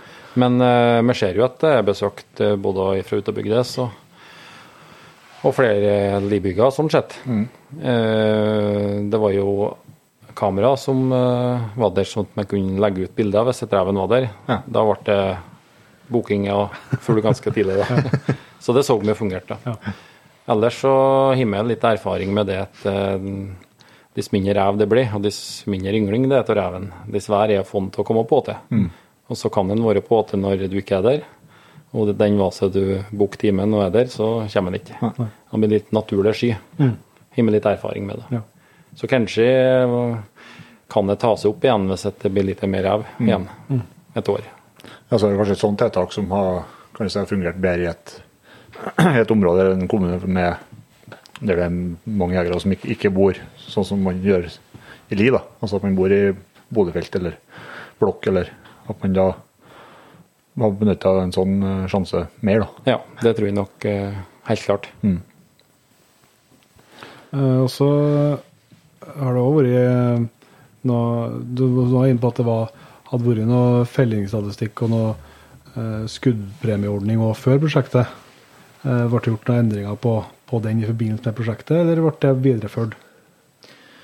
Ja, eh, det ble jo en diskusjon rundt skuddpremieordning. Det har jo vært skuddpremieordning her i ja, sikkert da, ja, veldig lenge tilbake. Ja. Eh, Og Fjellstyret har vel hatt en sånn administrasjon til den ordningen i kommunen her. Eh, Så lenge jeg vet, i hvert fall. Eh, Og det har vært en sånn ordning med fast pris, godtgjørelse per dyr, da, som er differensiert på rev og mår og mink og osv. Eh, og der har jo utbetalingene og kostnadene variert veldig fra år til år. Eh, så for å ta litt kontroll på det, så valgte vi å gjøre det på en litt annen måte. Der, at vi, vi fastsetter en fast sum som skulle brukes hvert år på det der. Og så setter vi en poengsum per dyr. Altså fikk du en vekting, og så ble det betalt ut i forhold til samla poengsum, da. Ja. Eh, og da, da hadde du på en måte kontroll på hvor mye som ble betalt ut. Eh, men så kunne jo selvsagt den verdien av reven eller målen variere fra år til år. da. Ja. I år der at det ble stiget mye, så ble den lite verd. Men var, var det der det var vanskelig, så ble det mye verre. Og det er jo motivasjon i seg sjøl at å gå ut når det er vanskelig. Da får du på en måte litt mer igjen. Men nå tror jeg ikke de pengeverdiene der er avgjørende. Eh, Men vi var enige om at det var dumt å ta bort en skuddpremieordning, i hvert fall når du skulle starte opp et sånt prosjekt. Ja, ja. Ja, det er klart det har sett litt rart ut, ja. Ja, det, det har, har det. Så. Men det har òg vært premieringer og trekking og sånt blant alle som har, har, vært, har registrert. Og det er ikke bare dem som har ligget på, på toppen, som har høsta premier sånn sett. Nei, det har vært forskjellig eh, premiering. Både årets revejeger og årets mårjeger og etter poeng. Og, så er det jo noe trekking i forhold til det, dem som møter opp på forsamlingene. Ja. Og så er jo Nina hatt en ordning med dem i Tigge mot reven, rødreven, som har blitt levert inn. Og de har betalt 10 000 kroner for det. Så det har blitt trukket eh, to lotter av 5000 Ja. På de revene som blir sendt inn. da. ja. Det var jo kommet i tillegg. Da. En bonus. En bonus. Det er noe bra, bra sjanse for å vinne uansett om jeg skutt i 15 eller en rev. Ja. uh, en av de tiltakene uh, som uh, i hvert fall vi i redaksjonen Jegerbåten har snakka om, eh, tror jeg har en, kan ha en bra effekt, det er åteinnsamlinga. Um, også det med å, med å frakte slaktefallet fra f.eks. elg da, ut fra skogen og på en åtteplass. Um, kan du fortelle litt om opplegget og for det? Ja. Det, jeg ser ikke meg alle, alle elgjegerne som ser for seg at de skal putte det, ta med seg hjem. Og, Nei, det er nok litt skeptisk, skepsis til i utgangspunktet. Mm. Det tror jeg nok, men når vi først kom i gang med, så er jeg imponert. Dere greit det godt. ja. Eh, Der òg var jo for så vidt noe med prøv, som ble prøvd ut i Stjørdal først. Så de har testa litt først, og så skulle vi prøve å gjøre det på vår måte her. Eh, Og på en måte flere grunner til at vi valgte å sette i gang det der. Det ene er jo at, eh, som, som vi prata om før, at vi ønska å redusere mattilgangen til, til smårovviltet. Så for da blir jo sannsynligvis eh, fåere kull og mindre kull, kanskje. Mindre produksjon. Og så ville vi jo samtidig skaffe oss et godt åte som vi kan dele ut tilbake. Som kan brukes i både revjakt og kråkbur, fellefangst. Og så er det jo sånn at hvis eh, det springer rev og ikke finner mat, og er sope inn, så er det jo lettere å få den på åte enn en som springer rundt og er mett og finner mat. Så på en måte det er et lite kinderegg, det der med å samle inn. da. For det er jo skremmende å se hvor fort eh, altså, elgvogn eller slaktefallet fra en elg forsvinner. Ja, og det, når den er borte, så er den jo delt opp og, og spredd omkring og hamstra ø, for at de skal finne mat rest hele, hele vinteren. Og vi ser jo det Legger en et elgskinn i skogen, og så kan jo en rev love ut på det en vinter, hvis han lever alt med det elgskinnet. Så jeg tror det er veldig mye å hente på å, å faktisk ta ut mye av det her. Ja. For det ble jo ganske mye åtet. da. Så jeg så i en rapport der dere måtte gå til innkjøp av eh, containere og greier. Ja, det ble jo et av de investeringene som er gjort, da, som jeg brukt litt penger på. Det ble kjøpt inn to eh, store frysekonteinere, sånn 20-fots frysekonteinere. En ble satt i sørlig og en i nordlig. Mm. litt for at det ikke skal bli for lange transporter på de her eh, sekkene. da, for det eh, Måten det blir gjort på, blir jo at, eh, er jo at elgjegerne blir får med seg en sånn kraftig plastikksekker ut på elgjakt. Eh, De fleste elgene blir jo henta med en sekshjuling eller en, et kjøretøy, i hvert fall. og da, da er det ganske greit å tømme vomma og få opp i en sånn plastsekk, knyte igjen den og ta med den ut på ATV-en. Og så blir jeg levert bort på. Eh, Og Der er grendekontakter og folk i styret, arbeidsutvalg, som deler på den dugnadsinnsatsen med å fryse inn, registrere og, og det praktiske rundt det der. da. Ja, for det er jo en ekstra med, med, med CVD og sånt, kanskje den Ja, det er sant. Det måtte ha hatt et lite regnskap på det, sånn at øh, du ikke hiver inn og blander inn det som ikke er kontrollert og godkjent. Ja. Nå har det blitt frosset i store blokker, da. Ja, ei elgvom, vet du, selv om hun har tømt innholdet i vomma, så på en storokse så er hun jo 50 kilo den. Så i starten så putta de jo alt det der inn i én sekk. det ble jo svintungt. Eh, Men etter hvert så har vi fått dem til å delte opp, jegerne til å delte opp, så det kan være i tre sekker. da. Og det er jo de passende fine blokker da, å, å hive på revåte. Som jeg har hatt ja, jeg har vel kanskje tre-fire tonn med slakteavfall inn i det containerne. som omsettes tilbake til som, som revåte. da. Men eh, hva har dere noe tall på hvor mye som dere har samla inn, eller så, av totalen av andelen? Hvor mange av elgene som, som har blitt felt i kommunen, har, har vommen kommet, eller innvollene kommet inn til? Nei, vi har ikke noen eh, gode tall på det. Eh, Vi begynte jo å loggføre i starten, to første årene. Og så var vi litt uheldige et år der et eh, plastikksekkene eh, var feilproduksjon. Liminga holdt ikke. Holdt ikke båten. Og det er klart at eh, hvis du klarte å motivere en jeger til å putte den i én gang, og det er dettgjening, så tjener ikke en tur til. Eh, så det gjorde jo at det ble litt mindre et år. Og så øka jo det igjen, selvsagt, når vi fikk nye sekker og engasjementet. Og så var det jo mange som brukte direkte båtene. Ja. Brukte det sjøl. Og det har vi sagt i årene, nå har vi nok gå til, så da må dere gjerne legge ut det med en gang. Bare fokuset vårt har vært å få det ut av skogen. Fått det ned til der du kan komme til for å jakte lettere senere. Da. Så det, med noen gode tall på det har vi ikke, da. Men det virker som det er bra oppslutning rundt om. altså. For det er som du Nils Vidar sier, at det er jo også storparten av elgene. I hvert fall her oppe, de blir jo henta med et eller annet kjøretøy. Det, det er jo ikke noe mye ekstraarbeid å skal ta med seg en, eh, en sekk som er tett, og, og ta med seg avfallet ut. Nei, hvis de forbereder seg og planlegger det litt godt, så sekkene ligger i ATV-en når du er på tur ut, så, så, så er det helt kurant å gjennomføre. Det er litt grisete kan det være, men det der lærer du deg òg til å ha, ha gjort det noen turer. Ja, ja. Så det, det er ikke noe problem, nei. Men bruker jo fleip med det at du nå vomsket i elgen likevel, så det er bare Slipp nå å tømme den. Gjort seg sjøl. Ja. Men eh, hva med skinn, da? Har det vært noe fokus på dem? Ja, vi har hele tida ønska å prøve å få samla inn både skinn og, og bein fra dem som skærer ned òg. Ja. Men eh, vi har noen utfordringer i forhold til å få, få levert det videre. For det, det er ikke noe attraktivt å ha som. Nei. Så det må vi bli kvitt på annet vis. Mm. Der har vi faktisk utfordra Fylkesmannen på å få lov til å grove ned. Eh, Og gjort det utilgjengelig på den måten. Ja. Men vi sliter litt med å få lov til å gjøre det. Vi er ikke ferdig, vi har ikke fått vedtaket ennå, men det, det er litt eh, utfordrende å få lov til å gjøre det, dessverre. Eh, Jeg syns jo det er litt rart, fordi at når en ser på de positive effektene med å gjøre det her, i et miljøaspekt også, så har jeg jo håpa på at det var litt mer velvilje da, på å få gjort det. Ja, for det vet, det vet, en jo, det vet jeg jo sjøl, som både, både er råte og som at uh, du har aldri noe problem med slakteavfallet. For det, det vil du ha, liksom ha sjøl, men eh, det skinnet, det det er jo, det er plag.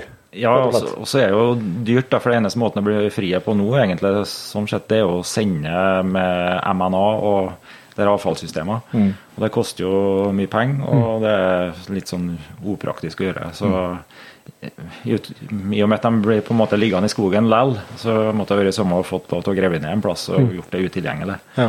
Og, ja, for det er jo fortere at det blir bare dumpa noen plass, da. ja, det blir det, vet du. Eller nok. ja. Det er klart når det, jeg vet ikke hvor mange elger som skjøtes i Lierne i året, men Nei, det er nå ca. 450 sånn de siste årene. Det er noe kvadrat med skinn. ja. Ja, det blir fort det, vet du. Mm, Stor andel blir jo solgt på livvilt, eller på et mottak. Da, da blir jo selvsagt ikke Håndtert, ja. håndtert. Da. Men det havner nok uh, ofte bak slakthuset, som det høres ut, ja. Eller på et åte langt ifra, da, men det er jo En eh, enorm ressurs uh, som ikke er utnytta i, blant- i jegerstandere. ja. Men det er klart at det er vel det er vel ikke så mye butikk i, det er vel det som er utfordringa. Ja, det, det var jo forsøk på noe innsamling der noen tok rede på, på skinna eh, og, og brukte dem. Men, eh, men eh, det er tydeligvis ikke nok butikk til. Så det, det, det eksisterer ikke noen sånn ordning lenger. Men vi har en, en dialog med MNA her nå om å få levere elgskinn faktisk som restavfall. Og Jeg oppfatter som det kan være kurant. Ja. Så det skal vi avklare mot neste års jakt. da. For det, det forsto jeg som det kunne faktisk leveres som eh, restavfall. Og det ble eh, brent opp. ja, brent opp, rett og slett. Det, og det tenker jeg må like gjerne at det kjøres eh, gjennom her fylket og kanskje enda lenger for å få levert det til en proteinfabrikk. Får litt uh, sjokk han som kjører søpla når han skal ta den så de to storokskinn oppi. Den blir tung å flytte på søppelbunken. Ja, kan bli det. Men så var det et punkt som jeg noterte på her, med å eh, redusere tilgang til søppel og avfall. Uh, har dere gjort noen ting eh, For det er jo en kjent sak her i stedet, det, at både med kråkfugl og, og rev at det kan være en utfordring med en del områder. Ja, så vidt jeg vet, så har jeg vel gjort noe forskning på det der òg, på kråkfugl og, og reirpredasjon nært søppelanlegg, Ja. som viser at det er betydelig. Altså ikke bare på, ikke på hønsefugl nødvendigvis, Nei, nei. men på alle andre fugler. Mm. Eh, og så, litt sånn her òg, at det er, det er ikke helt lukka system. Nei. Så det er tilgang for kråker til å få til en del. Mm. Men det der ordna seg veldig greit med, med MNA nå, da. Eh, nå er det etablert et veldig ryddig og greit avfallssystem her. Ja. Så uten at vi måtte gjøre noe særlig med det, så, så er det på et vis ordna seg sjøl. Ja, for det er jo, det er jo et, Lierne er jo en stor hyttekommune òg, så det er klart at det er jo mye avfall eh, fra dem rundt om i hele eh, i bygda. da. Så at det har liksom blitt et bra system på det, er jo selvsagt, det har jo stor betydning. Ja, helt eh, åpenbart. for Han ser jo det hyttefeltet. Det er jo fort gjort når du drar hjem fredagskvelden at du hiver ut rest, matrestene rundt Ja. hytta. ikke sant? Nå er det ordna forhold for at dere skal hives i container, og, Ja. og det tror jeg òg utgjør litt i lag med, med resten. Men uh, ut ifra fellingsbørsen og sånn, så, så får dere jo opp uh, altså, alle jegerne som, som feller, feller rovvilt eller fanger mår og alt i hop. Uh, har dere liksom ført noe statistikk på, den- på, den- på den? Altså på den jevne jegeren? Ja, det er jo som jeg sa tidligere, at eh, all fangst skal jo registreres bl.a. for å få være med på premieringene. Eh, og når du registrerer fangsten på hjemmesidene, så må du jo legge inn en del sånn eh, faste opplysninger. Ja.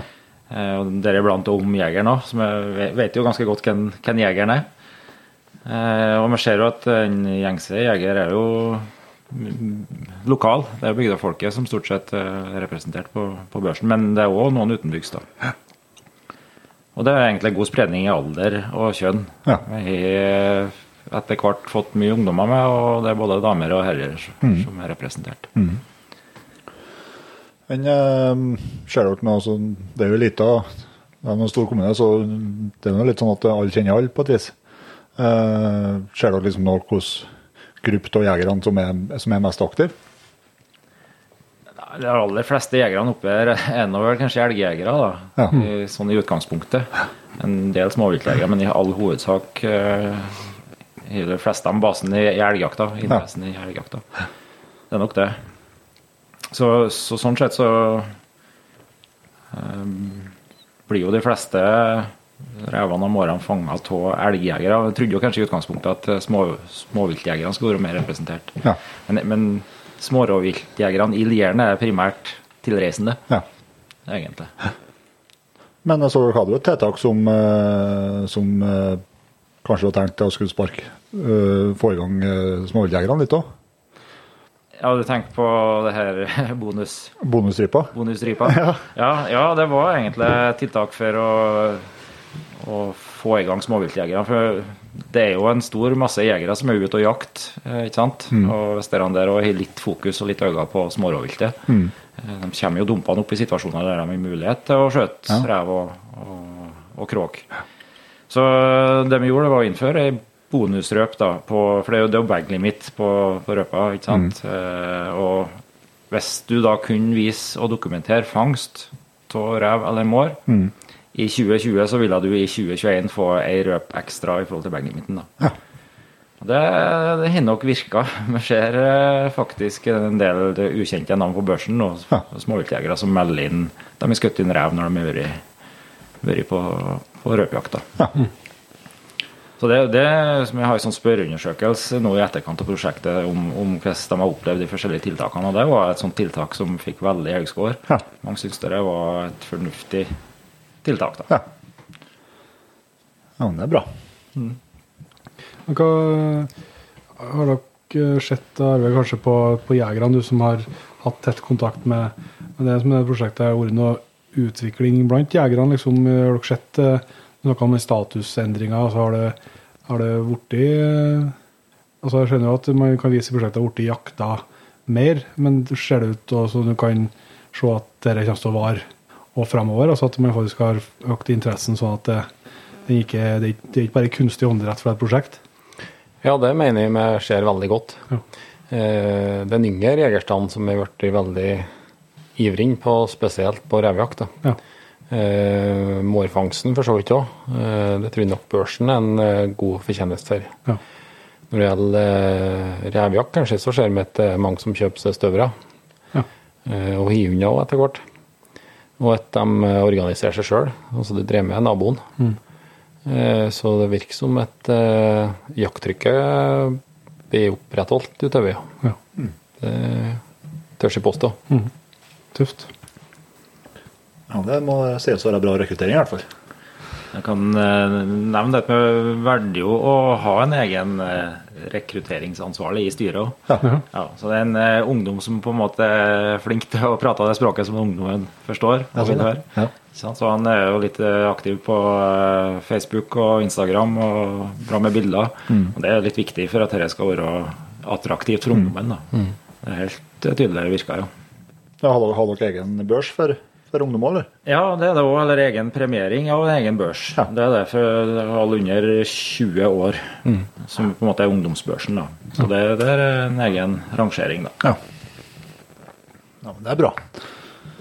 Men eh, det du òg nevnte her som eh, var interessant, er at eh, dere har jo antageligvis over snittet mye informasjon om hver enkelt rev som blir, som blir felt. Ja, og det, det er for så vidt litt sammenheng med at, eh, at eh, i Lierne her ble kjørt i gang et uh, fjellrevprosjekt i 2010. Jaha. Eh, Det var miljøforvaltninga og Nina i lag som eh, satte i gang en del tiltak for å eh, reetablere fjellreven i, fjell, i områdene her. Og I den forbindelse var de også med på å motivere til mer uttak av rev, for, eh, rødrev. da. For at rødreven er en av de største truslene til fjellreven. Så de var bl.a. med på å betale revskrotta. revskrotter. Betalte 800 kroner for revskrotta ja. som et tiltak. da. Og I den forbindelse ble eh, det var et krav da, om at du også skulle oppgi UTM-referanse på hva en ble skutt i, Mm. og tidspunkt og all sånn type opplysninger. Og det har blitt videreført fra 2010. så så de ca. 1000 revene som er skutt opp her på siden 2010, så er alt eh, dokumentert med UTM og navn og nummer, skulle du si, alder, kjønn, eh, kondisjon og sånn på revene. Som er, Nina har vært med. Så innsamlinga har skjedd lokalt, og så har Nina kjørt analysene. Og, Ja. Så det er ganske mye, mye revinformasjon, ja. Data. Men kan du si litt om eh, det også? Det har jo, vi skal jo snakke med noen av dem som har uh, forska litt i alle de dataene som dere har gjort og samla, men eh, kan ikke du si litt om det? Hvordan det har vært fra deres side å samarbeide med, med forskerne? skal jeg si, Hvordan har det, hvordan har det fungert? Ja, eh, jeg kan si litt om det. for at eh, Vi sa jo i starten at det ikke det var ikke noe mål om at det skulle bli et forskningsprosjekt, men vi ønska å tilrettelegge for at det skulle, skulle kunne forskes på det, for å kunne sitte igjen med noe svar. Mm. Og Da spurte vi en Pål Moa på Nord universitet om han kunne tenke seg å være med i styret. Så han satt som en sånn FoU-kontakt i styret og på en måte håndterte den biten der. Eh, Parallelt med det så har det pågått ganske mye annen forskning i Lierne de siste tiåra. Bl.a. med radiomerking på røpa, eh, felles fjellrevprosjektet, samla mye data, kjører sporing av triangeltakser i fjellet osv. Og, så og det er viltkameraprosjektet som er nevnt. Eh, Og der har jo Nina vært tungt inne i bildet òg. Ikke på viltkamera, men på, på resten der. Så vi har hatt et veldig tett og godt samarbeid med, med både Nord universitet og Nina. på det her. Og det gjør jo altså det her eh, Oppsummeringa av prosjektet i denne Nina-rapporten er jo både jakt- og liernedata, men det er jo òg mye fra de prosjektene som har gått parallelt. da. Ja. Så i sum så er jeg samla mye spennende data som, det, som er allerede beskrevet, men som kommer til å bli skrevet mye om fram i tid. Da. Ja, for at det, jeg synes det er jo litt interessant når du har sett litt rapporten og hører hvordan dere snakker om og sånn, så, så virker det jo som at øh, det selvsagt er jegerne og prosjektet som har mye av æren for at den dataen finnes, men liksom hver, hvert datapunkt er jo ganske enkelt å egentlig samle. Når du først skal registrere den reven på børsen, så tar det ikke så mye lengre tid å, å legge inn resten av infoen heller, som, men som du får god nytte av senere. Nei, det var det som var litt viktig når vi laga den hjemmesida. Da, for da, da ble det laga sånn eh, Den registrerings... Det systemet der ble laga sånn at du må legge inn den type dataen. Ja. For det var en tanke med at vi skulle samle mest mulig data. Vi visste jo kanskje ikke da hvordan det ble brukt, men vi ser jo i ettertid at det var veldig, veldig nyttig. Og jo lengre tidsserier du får på det, jo mer interessant blir det. Helt klart.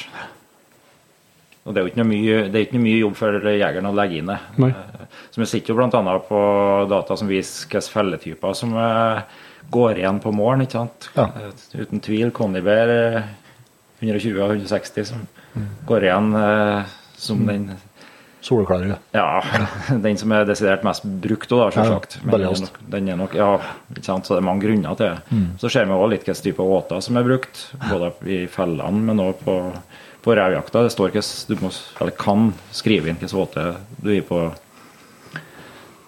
på åtet ditt, da, og så videre. Det, Det var jo ikke overraskende slaktavfall av elg. Har en par-tre tonn der liggende, så er ja, den kommer høyt. Den gjør nok- ja. Men hva, det, det er en betraktning som jeg tenkte på når vi snakka om det med slakteavfallet på, og åtene. da. Eh, gjør dere noe eh, tiltak eller stimulere noe for å samle inn åtene når jakta er over? Eller tenker man at det er bra at åter ligger der, så at de er det i stedet for at de går på predasjon på noe annet? Eh, vi gjør ikke noe tiltak for å eh, ta inn etterpå, nei. Vi ser det er en eh, fordel at eh, reven vet at han finner mat der Ja. når han kommer igjen. Om ikke han kommer igjen til enhver tid, så eh, ser vi at det er lettere å få inn en påte. Når jakta starter igjen, ja. Ja. Og revjakta starter jo 15. juli, så at det, det er kort opphold. ja. Ja. Så at det, det fungerer ganske bra å ha, ha liggende. Men dere Og i det, og i det tidsrommet der mellom 15. april og 15. ju- eh, juli, så forsvinner åtet ganske fort av seg sjøl, da. Det gjør det. Med larver og Ja. alt annet. Ja, så da, da, men da så har du jo en men prøv, sånn på, Prøver dere å fylle på åtene, da, eller bare rett dere forsvinner det som lå der på slutten? Nei, du eh, prøver jo å berekne så at ikke det blir liggende så mye når Ja. du er ferdig, selvsagt. Det gjør du jo. Men du legger jo ikke så mye engasjement i det som ligger igjen Nei. når våren kommer. Men litt som Jon Inge sier, at eh, sola kommer tidlig i forhold til at det er fortsatt snø igjen, men at eh, det fer fort. Du nevnte jo dette med, med sporing og, og bruk av det for å, for å vurdere bestanden. bestand. Da. Og hva, nå skal, vi skal jo inn på Vi skal jo etter hvert snakke med forskere her om, eh, om resultatene. men eh, Forskere er jo ikke så glad i å sette eh, to streker under svaret. Det trenger vi ikke gjøre nå heller, men, men det er litt artig å høre fra dere som sitter så nært det. og hva, hva er deres både opplevelser og, og det dere ser i data, og, og ikke minst i, i skog og fjell når dere er ute sjøl? Ja, på, på smårovviltet så er jo det viktigste registreringa vi har gjort der, kanskje det jo den, det er snøsporingene som prosjektet sjøl setter i gang. Der er jo grendekontakt inn og grunneiere og interesserte som er med og gjør feltarbeidet. Eh, gjøres på den måten at vi to ganger i løpet av vinteren kjører ca. Jeg bruker snøscooter, da, kjører ca. 250 km og registrerer spor på den strekningen der.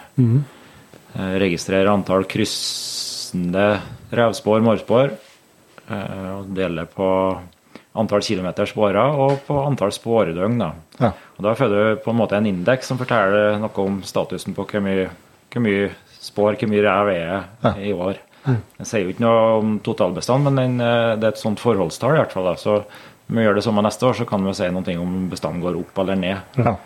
Eh, og det viser seg å være veldig nyttig. Og det som var litt greit, da, at Jeger og Fisk starta opp med det der allerede i 2003, gjennom gaupsporinga.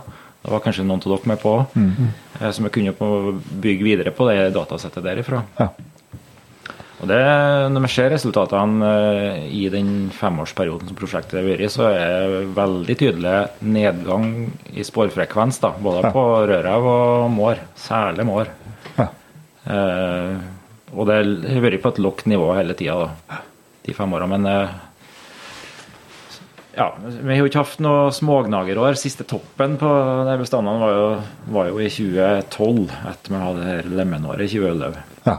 Så det blir litt spennende å se om, eh, om det blir en tilsvarende oppgang nå. Da, eller om det på en måte klarer å holde ned på det nivået som det er nå. Men samtidig har dere jo, vet jeg at de resultatene er jo kryssjekka på et vis opp mot eh, nabokommuner og annet. Altså det man ser at det ikke at det ikke virker tilfeldig. Ja. Altså det, er ikke, det er ikke en trend som er overalt. Uh, så at det, som det kan tyde på at prosjektet har, har båret fram frukter.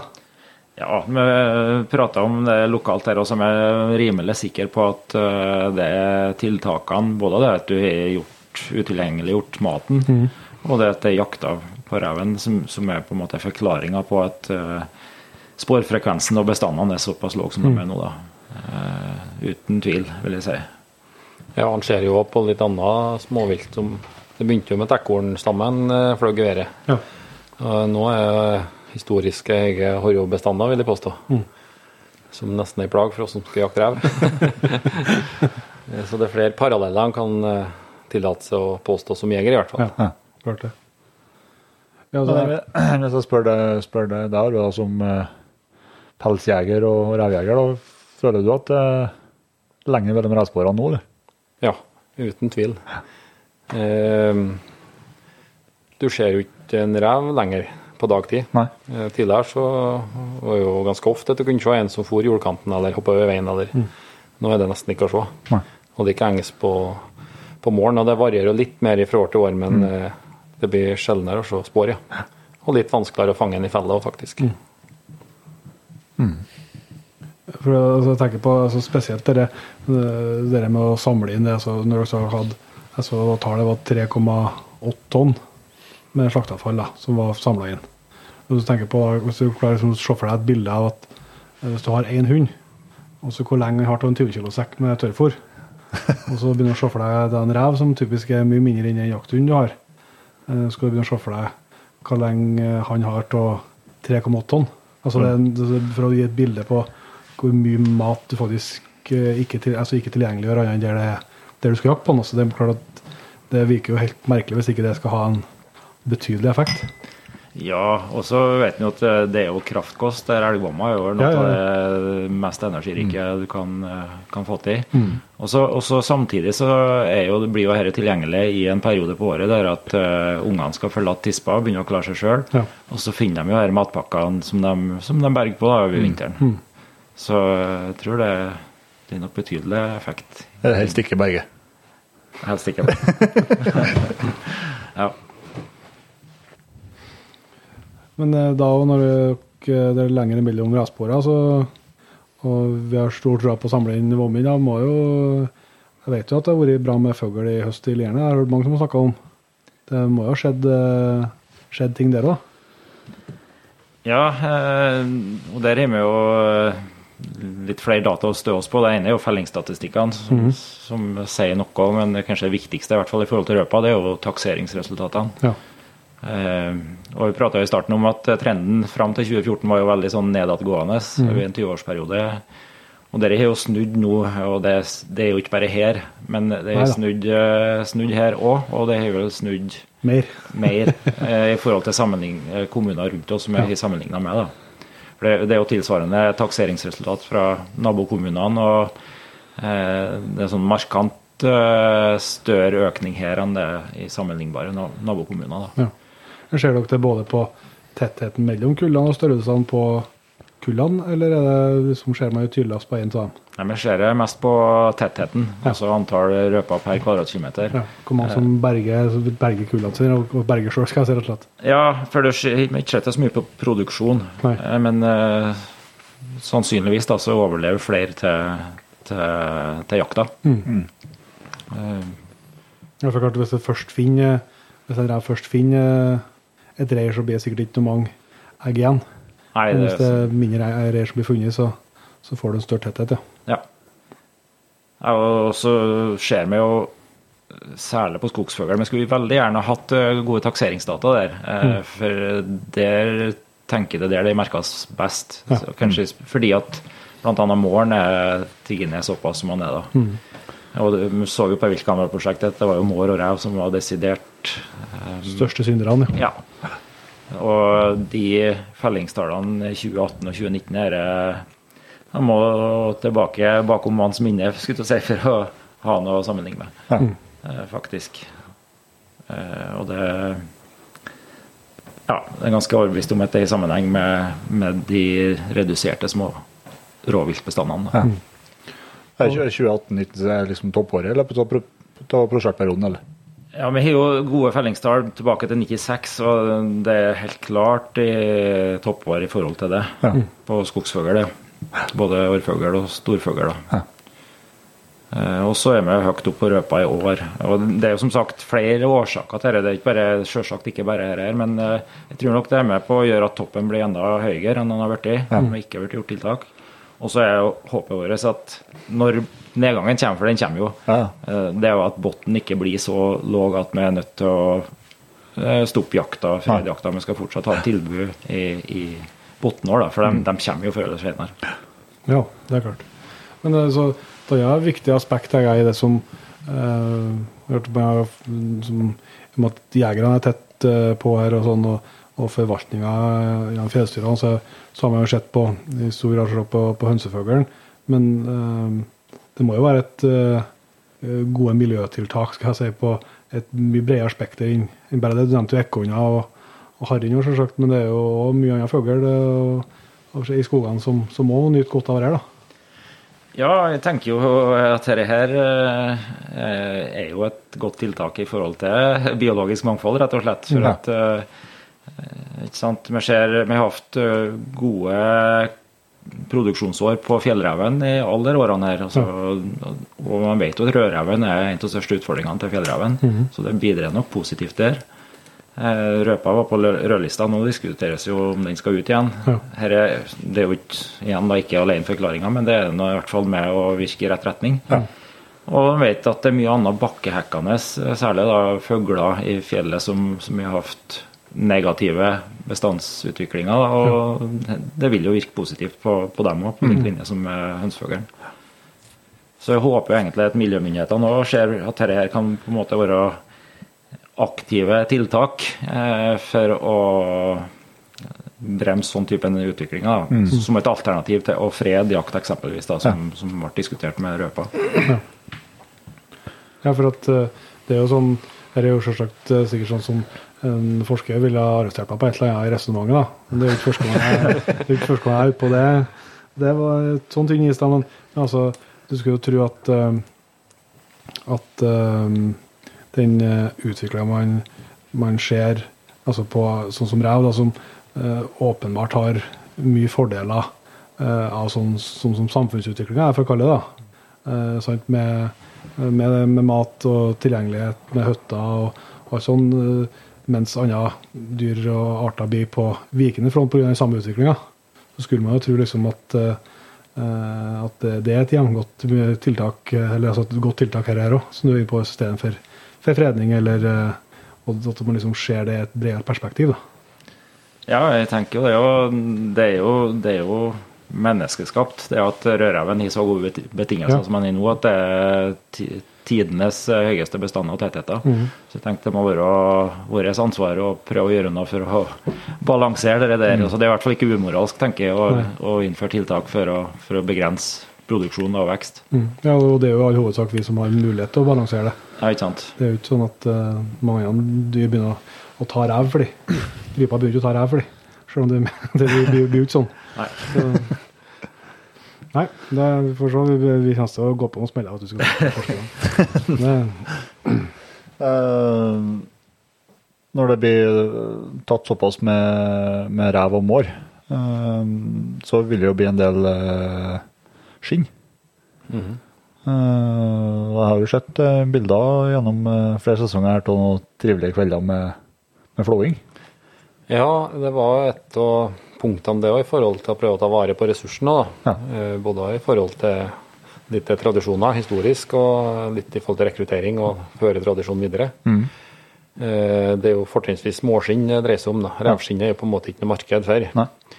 Eh, Så det ble organisert flere kvelder, både i nordlig og Sørli. Der at eh, den eldre garden har blitt headhunta for å lære bort eh, hva det er som skal foregå. Ja. Der du eh, kan ta med deg målene dine og flå din egen mår Ja. og lære det. Ja. det. Og litt sosialt da, Ja. i tillegg. da. Så ble det Jakt til jernet tilbudt å organisere felles innsamling for å sende til Da heter det Oslo skinnjuksjoner. Mm. Eh, så et tilbud som flere benytter seg av. Ja. Så dere sendte inn, sendte inn eh, mange mårer nedover og Ja, og var ikke i 50-tall som for eh, et skinn, eller i ei sending? Jo, det var jo det. Og så var jo det en som fikk eh, en som var- seg å ta med i bilen. da. Så han kom jo med og leverte. og da, Det var jo mer enn 50 som han Ja, la på. Og en god del av som han la på bordet og visste komme og skulle selge for auksjonene. og det klart det var litt stas. Det er ikke sikkert han presenterte seg for prosjektet. Nei, det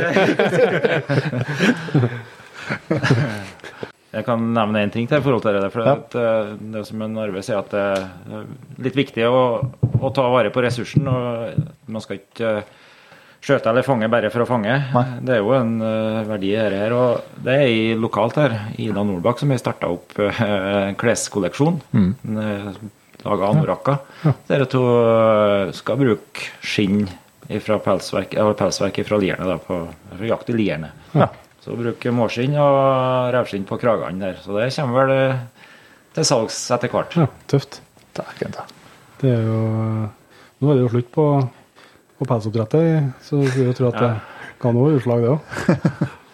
Men vi skjønner jo det at vi har fått eh, langt dypere innsikt det prosjektet her, at eh, det har jo verken gjort seg sjøl eller vært gratis. Eh, det har selv om det har vært veldig mye dugnadsarbeid. Kan ikke du si litt om, eh, om rammene og, og hva det har krevd sånn organisatorisk sånn sett, og hva, hvordan, man har, hvordan man har løst det både finansielt og, og praktisk? Ja, eh, jeg kan si litt om det. Det, var, eh, det er ikke noe tvil om at bærebjelken her det har vært dugnadsinnsatsen og de frivillige som har vært med, jegerne og grunnjegerne. Mm. Men vi var jo heldige å få med oss noen litt tyngre sponsorer i starten. Nevnte jo Trygve Godtåsfond som gikk inn eh, med tilskudd, årlig tilskudd i fem år. Eh, Det samme gjorde Statskog. Godtås var nok klart størst, men vi fikk med oss Statskog. Og Lierne kommune har vært med fast i alle åra, og fjellstyrene i Lierne har vært med fast. I tillegg så har vi hatt med oss eh, lokalt næringsliv. Mange der som har vært med å bidratt, for de ser at dette med jakta er, det gir ringvirkninger. og Det er viktig for, for Lierne-samfunnet. Eh, or, organisasjoner som skogeierlag, Skogjegerlag, Jeger og Fisk har vært med å bidra. Og ikke minst private grunneiere. Og så har vi fått en del jegere som ønsker å støtte prosjektet. utdannet utenfra, som jeg syns er såpass fornuftig at de har vært med og støtta. Så i sum så har vi hatt en ganske eh, solid økonomi, faktisk. Eh, rundt 350 000 i året i fem år. I, liksom i, to i budsjettet, skal jeg si. Ja, som har vært i budsjettet. Eh, og det har jo gjort at vi har hatt uh, råd til å ha hatt en administrativ ressurs på òg, en liten, ikke stilling, men uh, som vi kunne jobba litt uh, Så den prosjektlederstillingen har jo vært litt lønna. Og det tror jeg har vært litt viktig, for det, det er mange, mange elementer her som skal ha, skal ha framdrift på. Uh, ja. Og så har dere kommunen både både hjertet med, med rene penger skal si, og støtte prosjektet, men også som støtte altså, sånn for momsrefusjon og sånt òg. Ja, stemmer det. Kommunen har jo ført regnskapet, annet, og det, det har gjort at med, på investeringene, da, vi kjøpt frysekonteinere og sånt, så har vi jo fått igjen moms på det, og det blir jo fort penger det òg når du skal gjøre noen investeringer. Hørte. Og så er jo han som er ansatt som, eh, som skogbrukssjef, da, som har vært vår representant i kommunen, han har hatt en liten tidsressurs han kunne ha brukt på, på prosjektet. Så det er kjempeviktig at kommunen òg er med på flere måter i det der. Mm. Jeg har brukt eh, noe viltfondsmidler er vel som er, som er brukt fra kommunens side. Da. Så det, det har vært et så... Det er, jo, det er jo rett og slett det er- det er jo en liten bølgemobilisering. Ja, og jeg tenker jo det er jo viktig i seg sjøl. Når man har laga en liten sosial happening av det her, det er en aktivitet i kommunen som, eh, som mange syns, syns er viktig og syns noe om. Så, så det, det er mange elementer utom, utom bare det å ta ut mer rev og få mer hønsefugl. Ja, og så er jo, det er jo masse, masse eh, sosiale sammenkomster. Med, med, med alle kurs og foredrag og alt som skjer, så Ja, det samme litt i starten nå, at mm. hvis vi nå da mot formodning ikke, ikke når måla med å få mindre smårovvilt og mer hønsefugl, så har vi jo uansett lyktes med sannsynligvis da med, med alle de arrangementene og mm. aktiviteten og tilrettelegge for mer jakt. Rekruttering til jakt Ja. det er i seg sjøl positive aktiviteter. da. Helt klart. Ja, for kanskje den, altså den økende interessen da, som, eh, som, som dere sier det er borti, den, den er det jo bare den er det dere jegerne og dere som bor oppe her, som klarer å se. Ja, vi går det. Mm. Med at det, er- med at det er mer yngre jegere og blitt mer hunder og, og sånt. så. Men vi må innom eh, mot, eh, mot slutten her, da.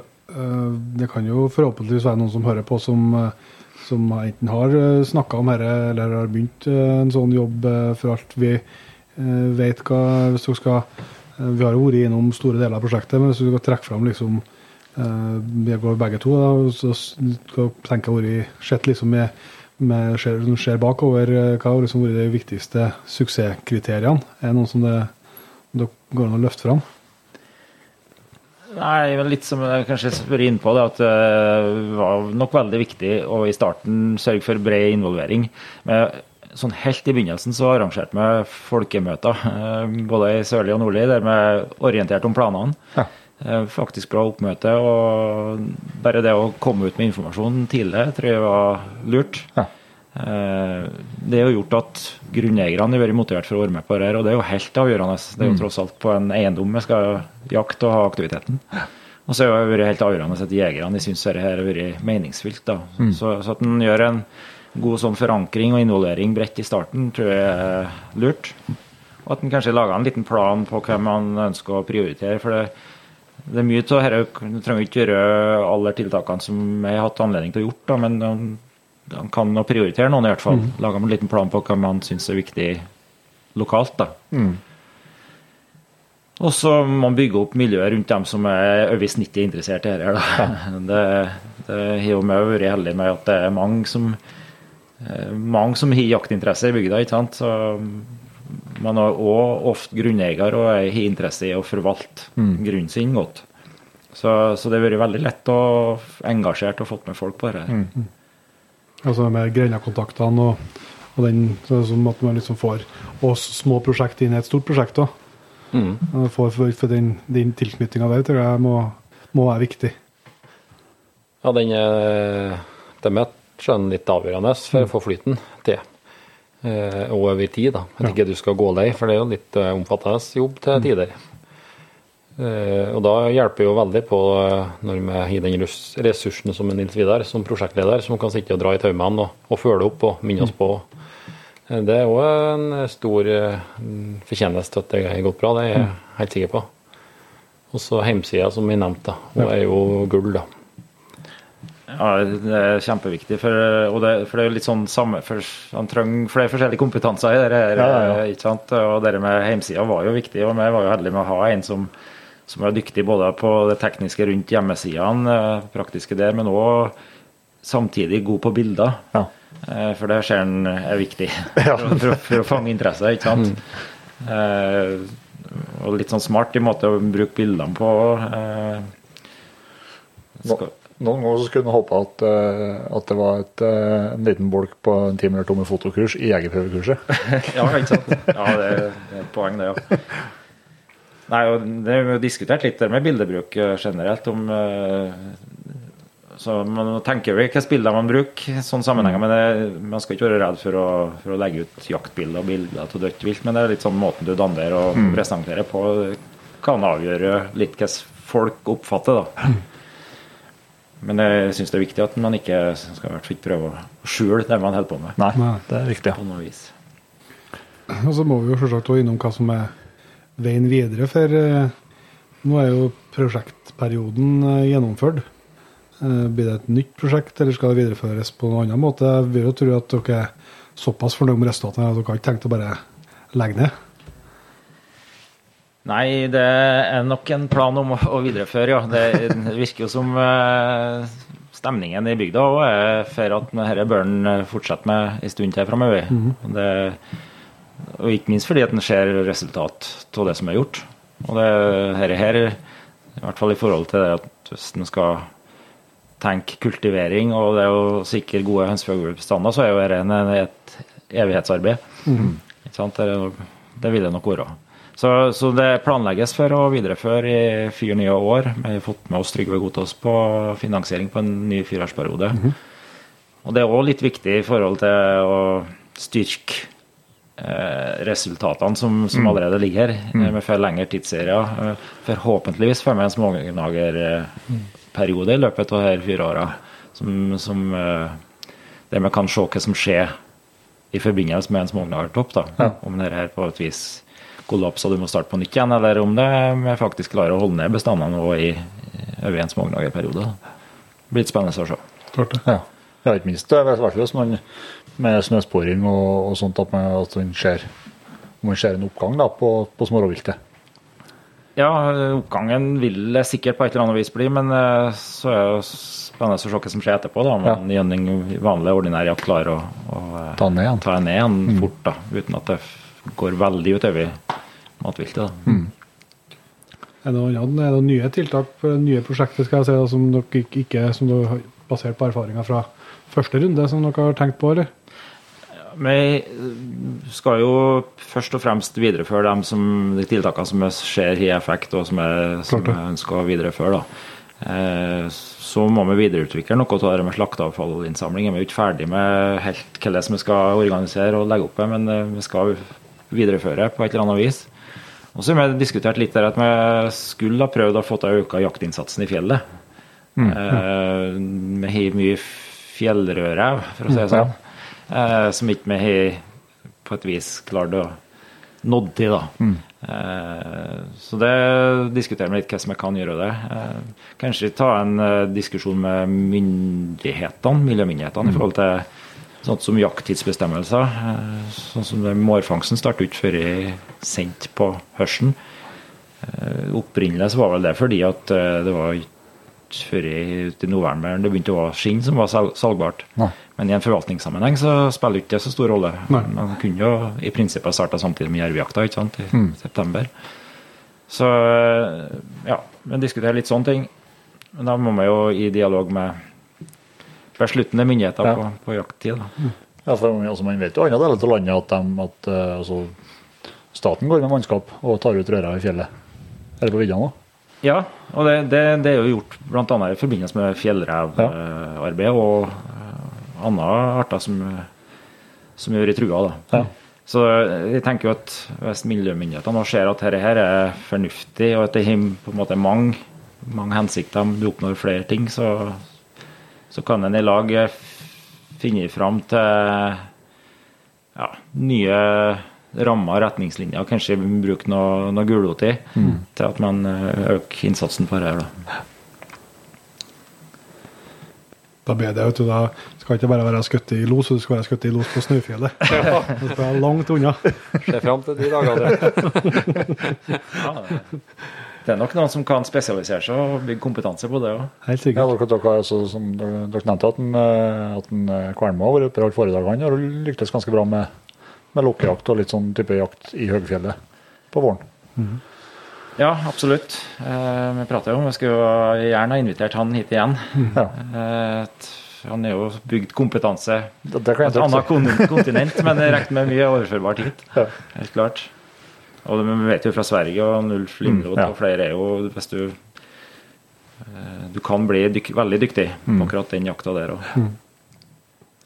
Ja, og jeg tror sånt, det er jo personlig mening, men jeg tror vi har rører til fjells som aldri kommer ned i, i bygda. Som bare holder seg oppe i fjellet. Ja, og åpenbart. Det, det er jo selvsagt eh, det blir, man, man sitter og leter unnskyldninger noen ganger når eh, man slipper en hund på et spor og som bare fer rett til fjells, og du ser ikke hunden igjen før at det er blitt kveld. Så det mm, kan jo være sånne luringer som prøver seg en en tur, og så skjønner de at det er ikke noe blivende sted. så bare springer de igjen. Men jeg tror det er, det er nok rett som du sier der òg, at det kan være at det kan være lurt å sette inn et støt til fjells òg. Det um, tror jeg vi uh, avslutter prosjektpraten med. Uh, Syns jeg vi har fått et uh, godt innblikk uh, i det, egentlig. Men vi har litt løst lyst, uh, før vi runder helt av, så bruker vi å ha noen faste spørsmål og avslutningspunkt som vi alle tvinger alle gjestene gjennom. slett. Vi gjør liksom forskning vi vet det er for å ha gode dataserier over tid. Så må alle få spørsmål. det er litt sånn. Så øh, hvis øh, Hvis uh, du Arve starter med å dele din største jaktdrøm Jeg forskjønner det vi år. ja. For hund. Ja, nei, den er ikke så god, for han er jo forandra seg etter hvert. Ja, men Dess gamlere du blir, og dess mer du får oppleve. Ja.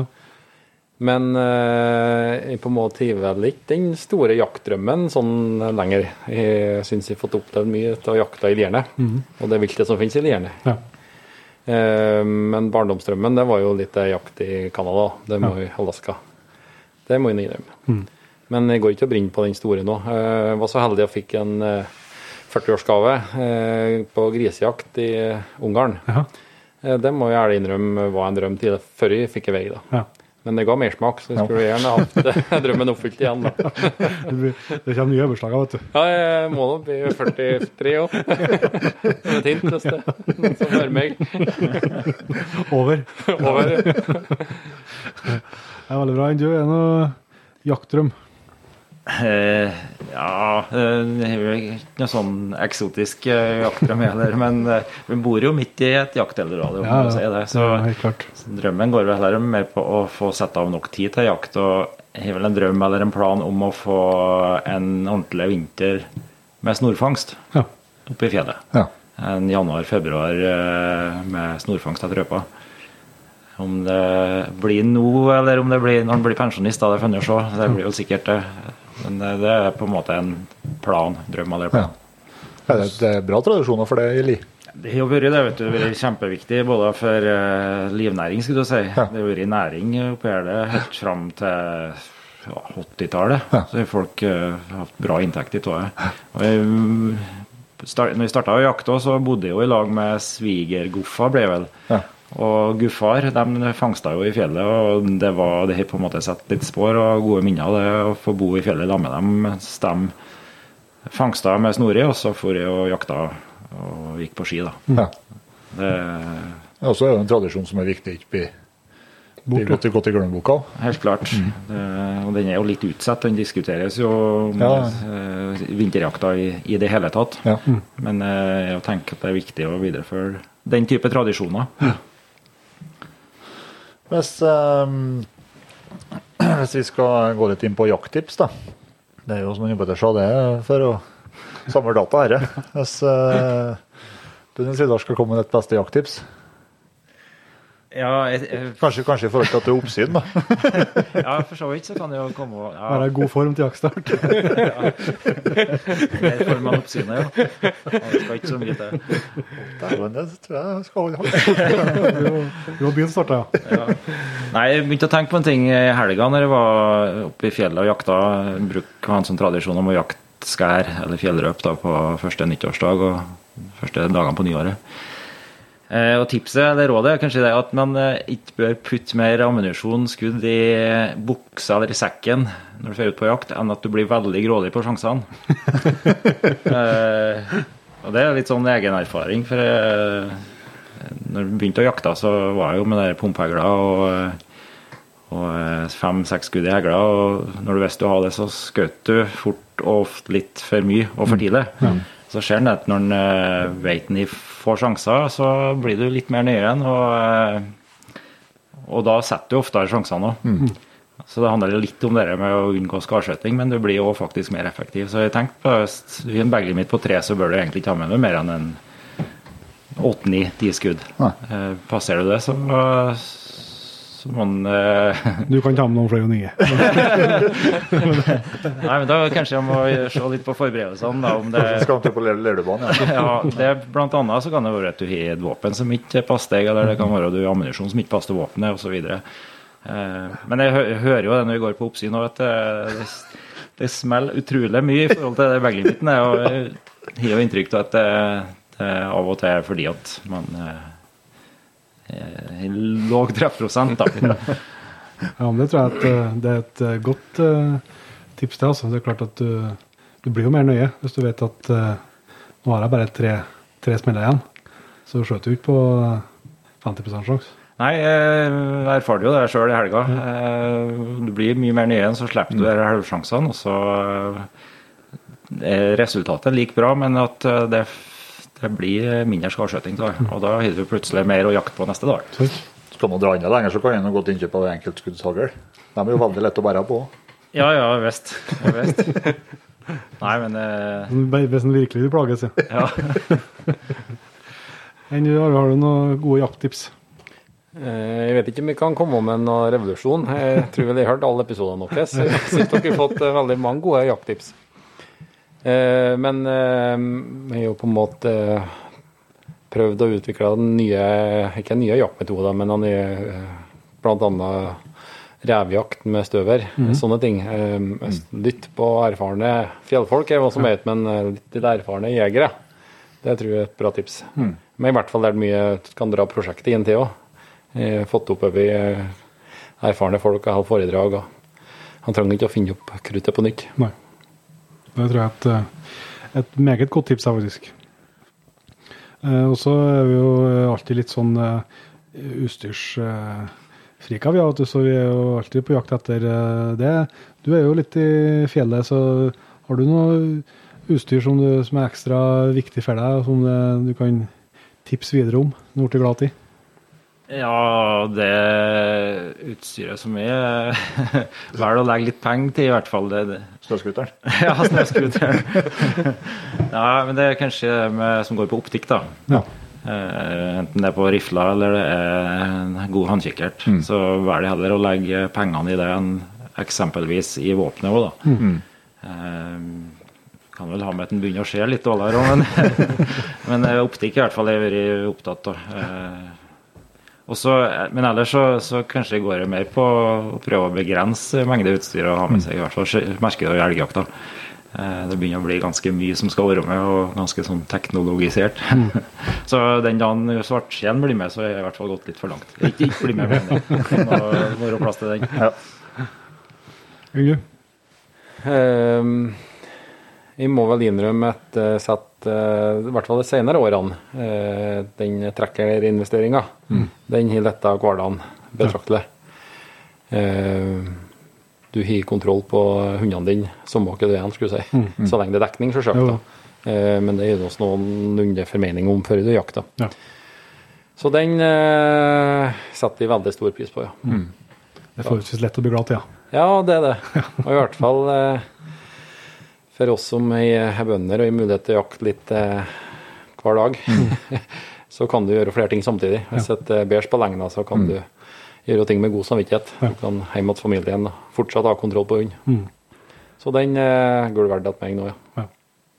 Ja, for du er kjent på øh, følelser for du, du hadde en hund som var borte ganske lenge òg. Ja. Eh, har jo en veldig bra grå elghund. På mange mulige måter. eh, Etter et år så eh, for han eh, med en elg Ja. eh, opp til fjellbanen, og så bytta han over til rein. Ja. Og da har jeg Garmin peiler, og dag to så ble han jo strømløs. Så eh, tok jeg tiltaket OK, det var oppe i Hykland-området, og der er jo tamreinområdet. Ja. Eh, dårlig samvittighet for det, eh, samtidig som at jeg skulle hatt en hund. Så tenkte jeg mens jeg har batteri igjen på peileren, så var jeg til Snåsa og fikk en der til å fly med helikopter, som jeg for i området og peila, uten hell. Ja. Og det var jeg for så vidt glad for, for at jeg måtte bare få hjem, da, for det var ikke noe å lete etter. Ikke du har visst hva du skulle lete etter. Dag fem så kom jeg, dem sto ute av hundegården og kom hjem fra elgjakt. så da var både jeg og hun glad. Da, var- ble det trekker. Da ble det trekker. Men samtidig er jeg glad for at jeg ikke fant den, for han siden og fikk komme hjem. Mm. Nå skal jeg vel sies at det er en hund som er god jaktlyst, da. Så kunne gjerne halvert den, da. Så det var to og en halv dag bare. Ja. Og så må vi jo alltid eh, runde av med noen jakthistorier, og eh, ser ut eh, helt bort ifra at det finnes noen jakthistorier rundt bordet nå. Kan ikke eh, du starte, da? ja, det er vel mye jakthistorie. Men å komme på dem i en sådan stund Og det er også fint dem som egner seg når oppsynet er med. Det. Ja, det- òg, ikke minst. Kanskje størst faktoren, det. Nei, eh, det er jo en gang sånn at eh, han kommer på det som går bra, men for min del også kommer han like godt på det som går til skogen.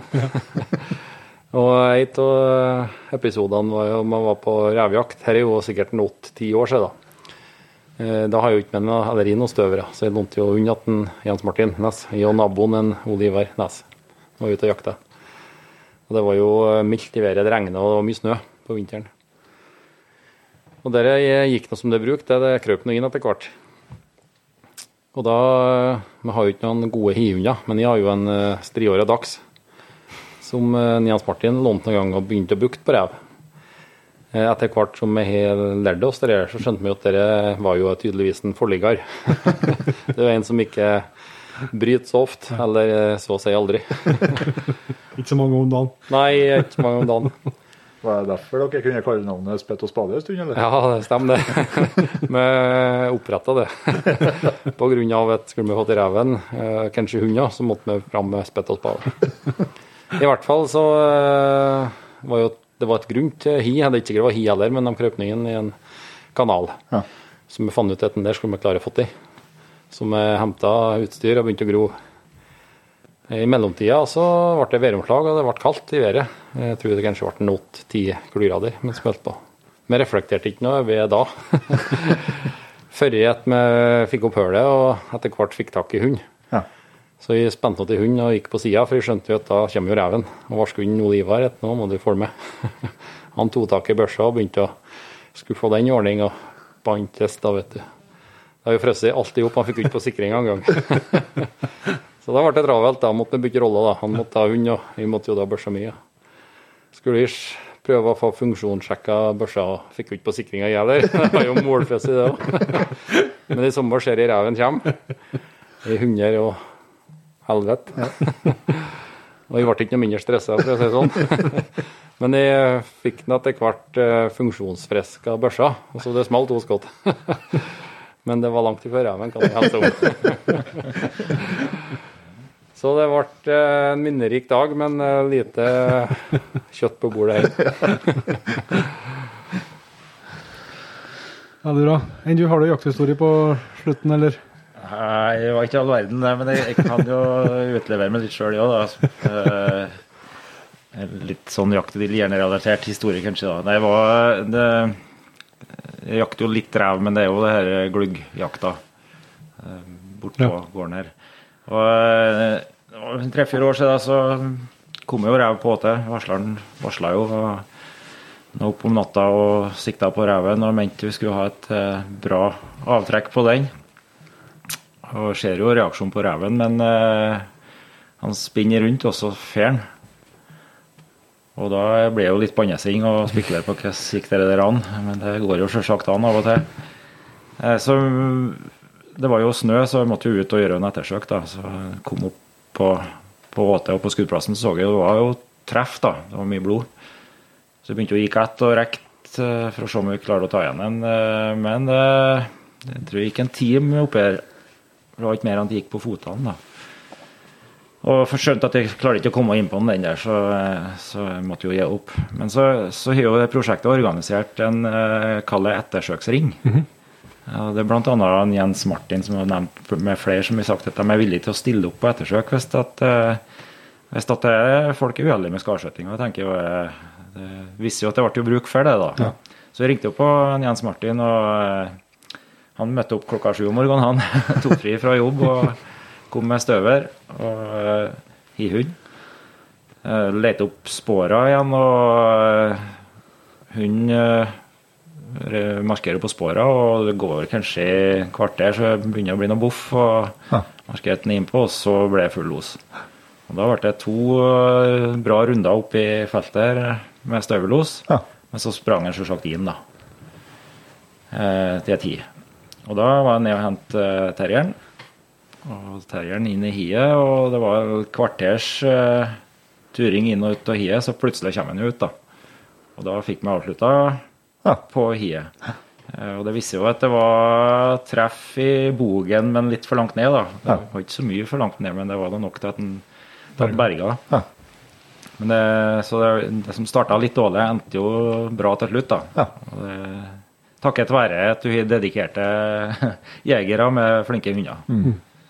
Ja, også viser jo hvor viktig det er å gjøre, gjøre en skikkelig jobb på ettersøk og på en, på en rev. Ja, vi prata jo litt om det i starten, at det er jo I prinsippet bør vi jo ha samme, samme målsettingene Mm. og, og kravene til oss sjøl på, på reven, men det, det er jo litt vanskelig å gjennomføre. Men eh, vi har, jeg har hatt en bevissthet rundt det og prata om det rundt det her i prosjektet. også. Det er bra. Ja, det er bra. Da tror jeg vi skal si eh, tusen takk for at dere eh, tok deg tida til å prate med oss. Setter vi i hvert fall veldig stor pris på. Jeg er ganske sikker på at dette inspirerer til, til flere som eh, både kanskje til å komme seg ut på jakt etter sporavilt, og kanskje å starte prosjekt andre plasser i landet med, basert på suksesshistorier fra Lierne. Så gratulerer med vel gjennomført. Takk for det, og hyggelig å, å være med. Takk for det. og Takk for praten. Det var altså Nils Vidar Bratlandsmo og Arve Aanes Mm. og Jakt i Lierne. Mm. Det er imponerende eh, både engasjement og, og prosjekt, og, og ikke minst da resultat. Da. Ja, det er, det er imponerende hva de har holdt på. Det er jo, som, som jeg nevnte, det er jo, det er jo rett og slett skikkelig sånn bygdemobilisering. For Det er så mye folk som er involvert, og som deltar og, og er med og støtter opp om. Yep. Det og da er det artig å se at de får resultat. da. Yep. Selv om eh, det som blir, vet du, det som er artig, du, når det blir sånn Nå, nå ser jeg nesten jeg er for lite ræv, vet du. Ja. Det har vært litt av målet, så blir jeg lenger mellom sporene til de, de har fått en hel haug som er ivrig på jakt. Det må si, men de får nå dra på ny plass i jakta. Ja, ja, ja. Det fins ræv. Nei, det var skikkelig interessant å høre om, og så blir det veldig artig å etterpå nå få eh, prate med dem som har forska resultatene. Vi var jo litt inn på, på, på det i praten her, og deres tolkning av det. Men, men det skal bli veldig interessant å få en litt sånn dypere innblikk i, i det. da. Men jeg tenkte at det var her var best i rekkefølgen, å liksom forstå prosjektet og tiltakene og hva som var gjort først. Og så, um, så deler vi opp det på den eh, måten der. Og så er jo, også, det er jo årsaken til at det blir to episoder, for at man, når man først eh, tar et sånn dypdykk, så begynner man jo å prate ferdig om det. Ja, ja. Eh, Så vi innså jo fort at med praten vår, så går det går ikke over én episode. Nei, vi, vi har ikke så lett for å fatte oss i korthet. Har du klart å høre det her i første episoden i Jegerpodden du hører, så kan jeg komme som en overraskelse, men har du hørt noen før, så har du antagelig, antagelig fått med det. Ja. Så sånn er det.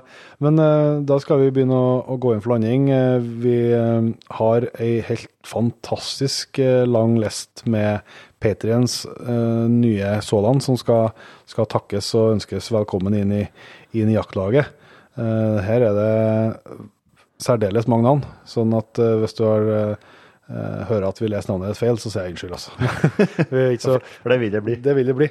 Men vi skal i hvert fall eh, prøve så godt vi kan og si tusen hjertelig takk til en eh, Ånund Aas, Brian Lane, Tore Karlsen, eh, Simen Tovmo, Adrian Jacobsen, Robin Reitan, Erik Hustvedt, Ove Jonny Kjøsnes, Ståle Andresen, Martin Wold, Lars Krøke, Robert Brattberg, eh, Anders Ferrangen, Per Arne Mikkelsen, Sigurd Asklund, Andreas Futaker, Lars Ingvald Johansen, Ola Resel, Ronny Oppheim, Henrik Siljan, Alexander Kirkerud, Marius Hauknes Kruse, Knut Ove Witzøe, Marit, Lars Johan Skogmo, Andreas Fossum, Jan Håvard Jørlihagen, Jørgen, Yngve Heggeland, Tor Amund Halvorsrud, Tobias Ådal, Odd Egil Hansen, Jan Christian Hansen, Espen Skogheim Kaspersen,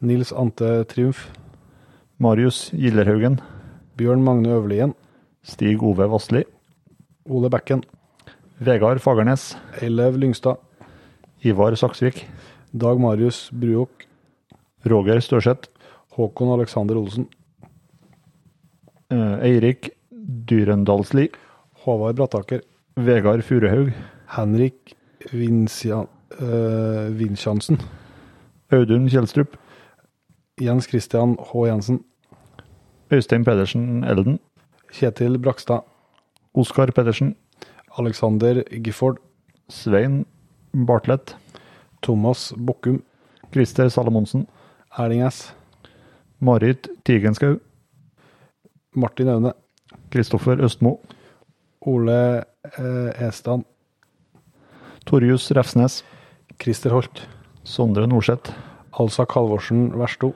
Jon Arne Borg Engø, Tor Arne Skjevik, Håvard Berg, Ivar Ødegård, Espen Elden, Lasse Aalberg. Torgeir Herslett. Brede. Håkon Johnsen. Ørjan Storsve. Torbjørn Nordahl. Svein Håkon Wie.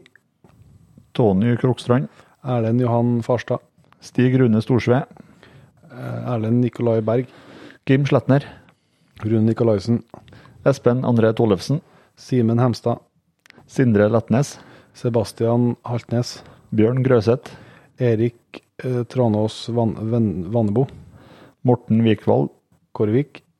André Lillebakk. Bjørnar Skår. Ingar Haugan. Kenneth Normo. David Hartberg. Bård eh, Bruserud. Espen Lyngen. Hans Morten Rønsberg. Arne Refsnes. Petter Klausen.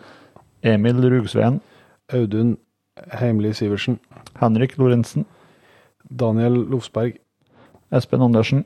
Håkon Johansen. Anders Gabrielsen. Morten Sæter Aarvåg. Violett Andersen. Morten Meus. Torbjørn Sand Solhaug Olsen. Sondre Breiland. Petter Søpstad Lunde. Eirik Oksholm. Morten Fjerstad. Øyvind Nystad. Glenn Dåbu. Dåbu. Kristoffer Haugli Larsen. Martinius Tollan. Martin By. Thomas Varvik. Laila Hoff. Tor Rønning. Tobias Jensen. Rubin Urke Brunstad. Kristoffer Linderud. Carl Haslestad. Jørgen Paus. Morten Horklau. Sondre Sitje. eh, Jonny Spangberg. Stein Mathisen. Tobias Gangnes Hagelund. Sim Simen eh, Elias Steinamo. Erik. Ole Edmund Støte. Sondre Skjelstad. Tallak Prytz. Gustav Horseng Johansen. Olav Myhre. Peder Songedal. Fredrik Hammersborg. Even Åstrand. Lindia Kristiansen. Stein Morten Berdal. Eh, Anders Voss eh, Tingnes. Matt Stegen. Frode Nesvold. Kristoffer Kronstad. Terje Verlo. Eivind Haugerud. Kim Trøen. Trond Erik Holshaug. Anders Skjønhaug. Magnus Lodengård Folkestad. Kim Aarø Andresen. Sebastian Brunst Reigstad. Håvard Skilstad. Morten Løkheim. Mathias Bergås. Didrik Pinsepmo. Jakob Aasheim S- Solli.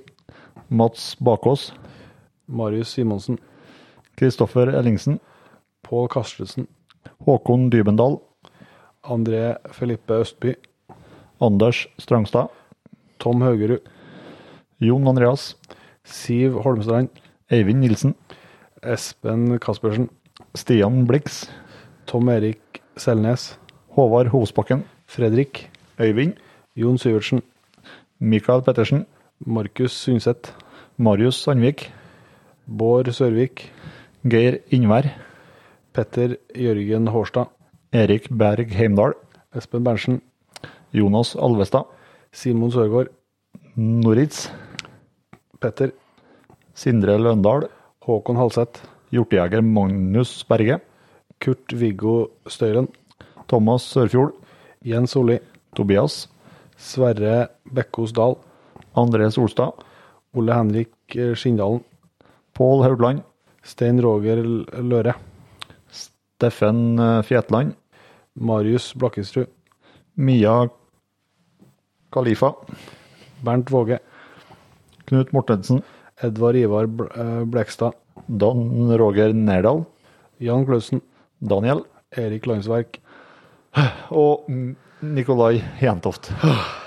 Tusen hjertelig takk. Det til det faktisk det vi endte på 218 navn. Det må være en ny rekord i en, episode. Jeg tror det også, jeg er ganske sikker på det. og Uh, var det noe, Er det fortsatt noen som har hørt om alle navnene og er med helt hit, så må, skal dere nå høre at vi setter utrolig stor pris på det. Så tusen hjertelig takk til alle dere. og og eh, alle dere andre som allerede har vært med oss eh, en god stund. Det setter vi som sagt enormt stor pris på. Jeg håper at vi i hvert fall leste ett navn rett. Det kom seg, det var mye rusk i starten, men jeg tror det kom seg bra. Også. Ja, jeg begynte, begynte å se i kryss på slutten. her, Altså. jeg så ikke riktig, riktig godt. Nei, men tusen eh, takk for det.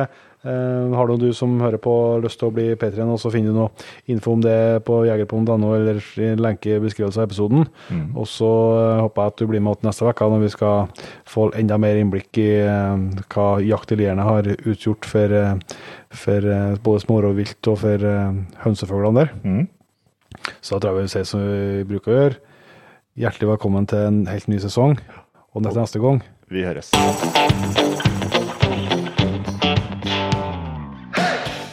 Tusen hjertelig takk for at du valgte å bruke litt av tida di på Jegerpodden. Sjekk ut jegerpodden.no eller eh, din favoritt-podkastspiller for enda mer innhold og flere episoder. Følg også Jegerpodden på Facebook og Instagram, og ikke minst, husk å fortelle alle gode venner, familie og tilfeldige forbipasserende om Jegerpodden, sånn at vi får spredd det glade budskap videre. Vi høres.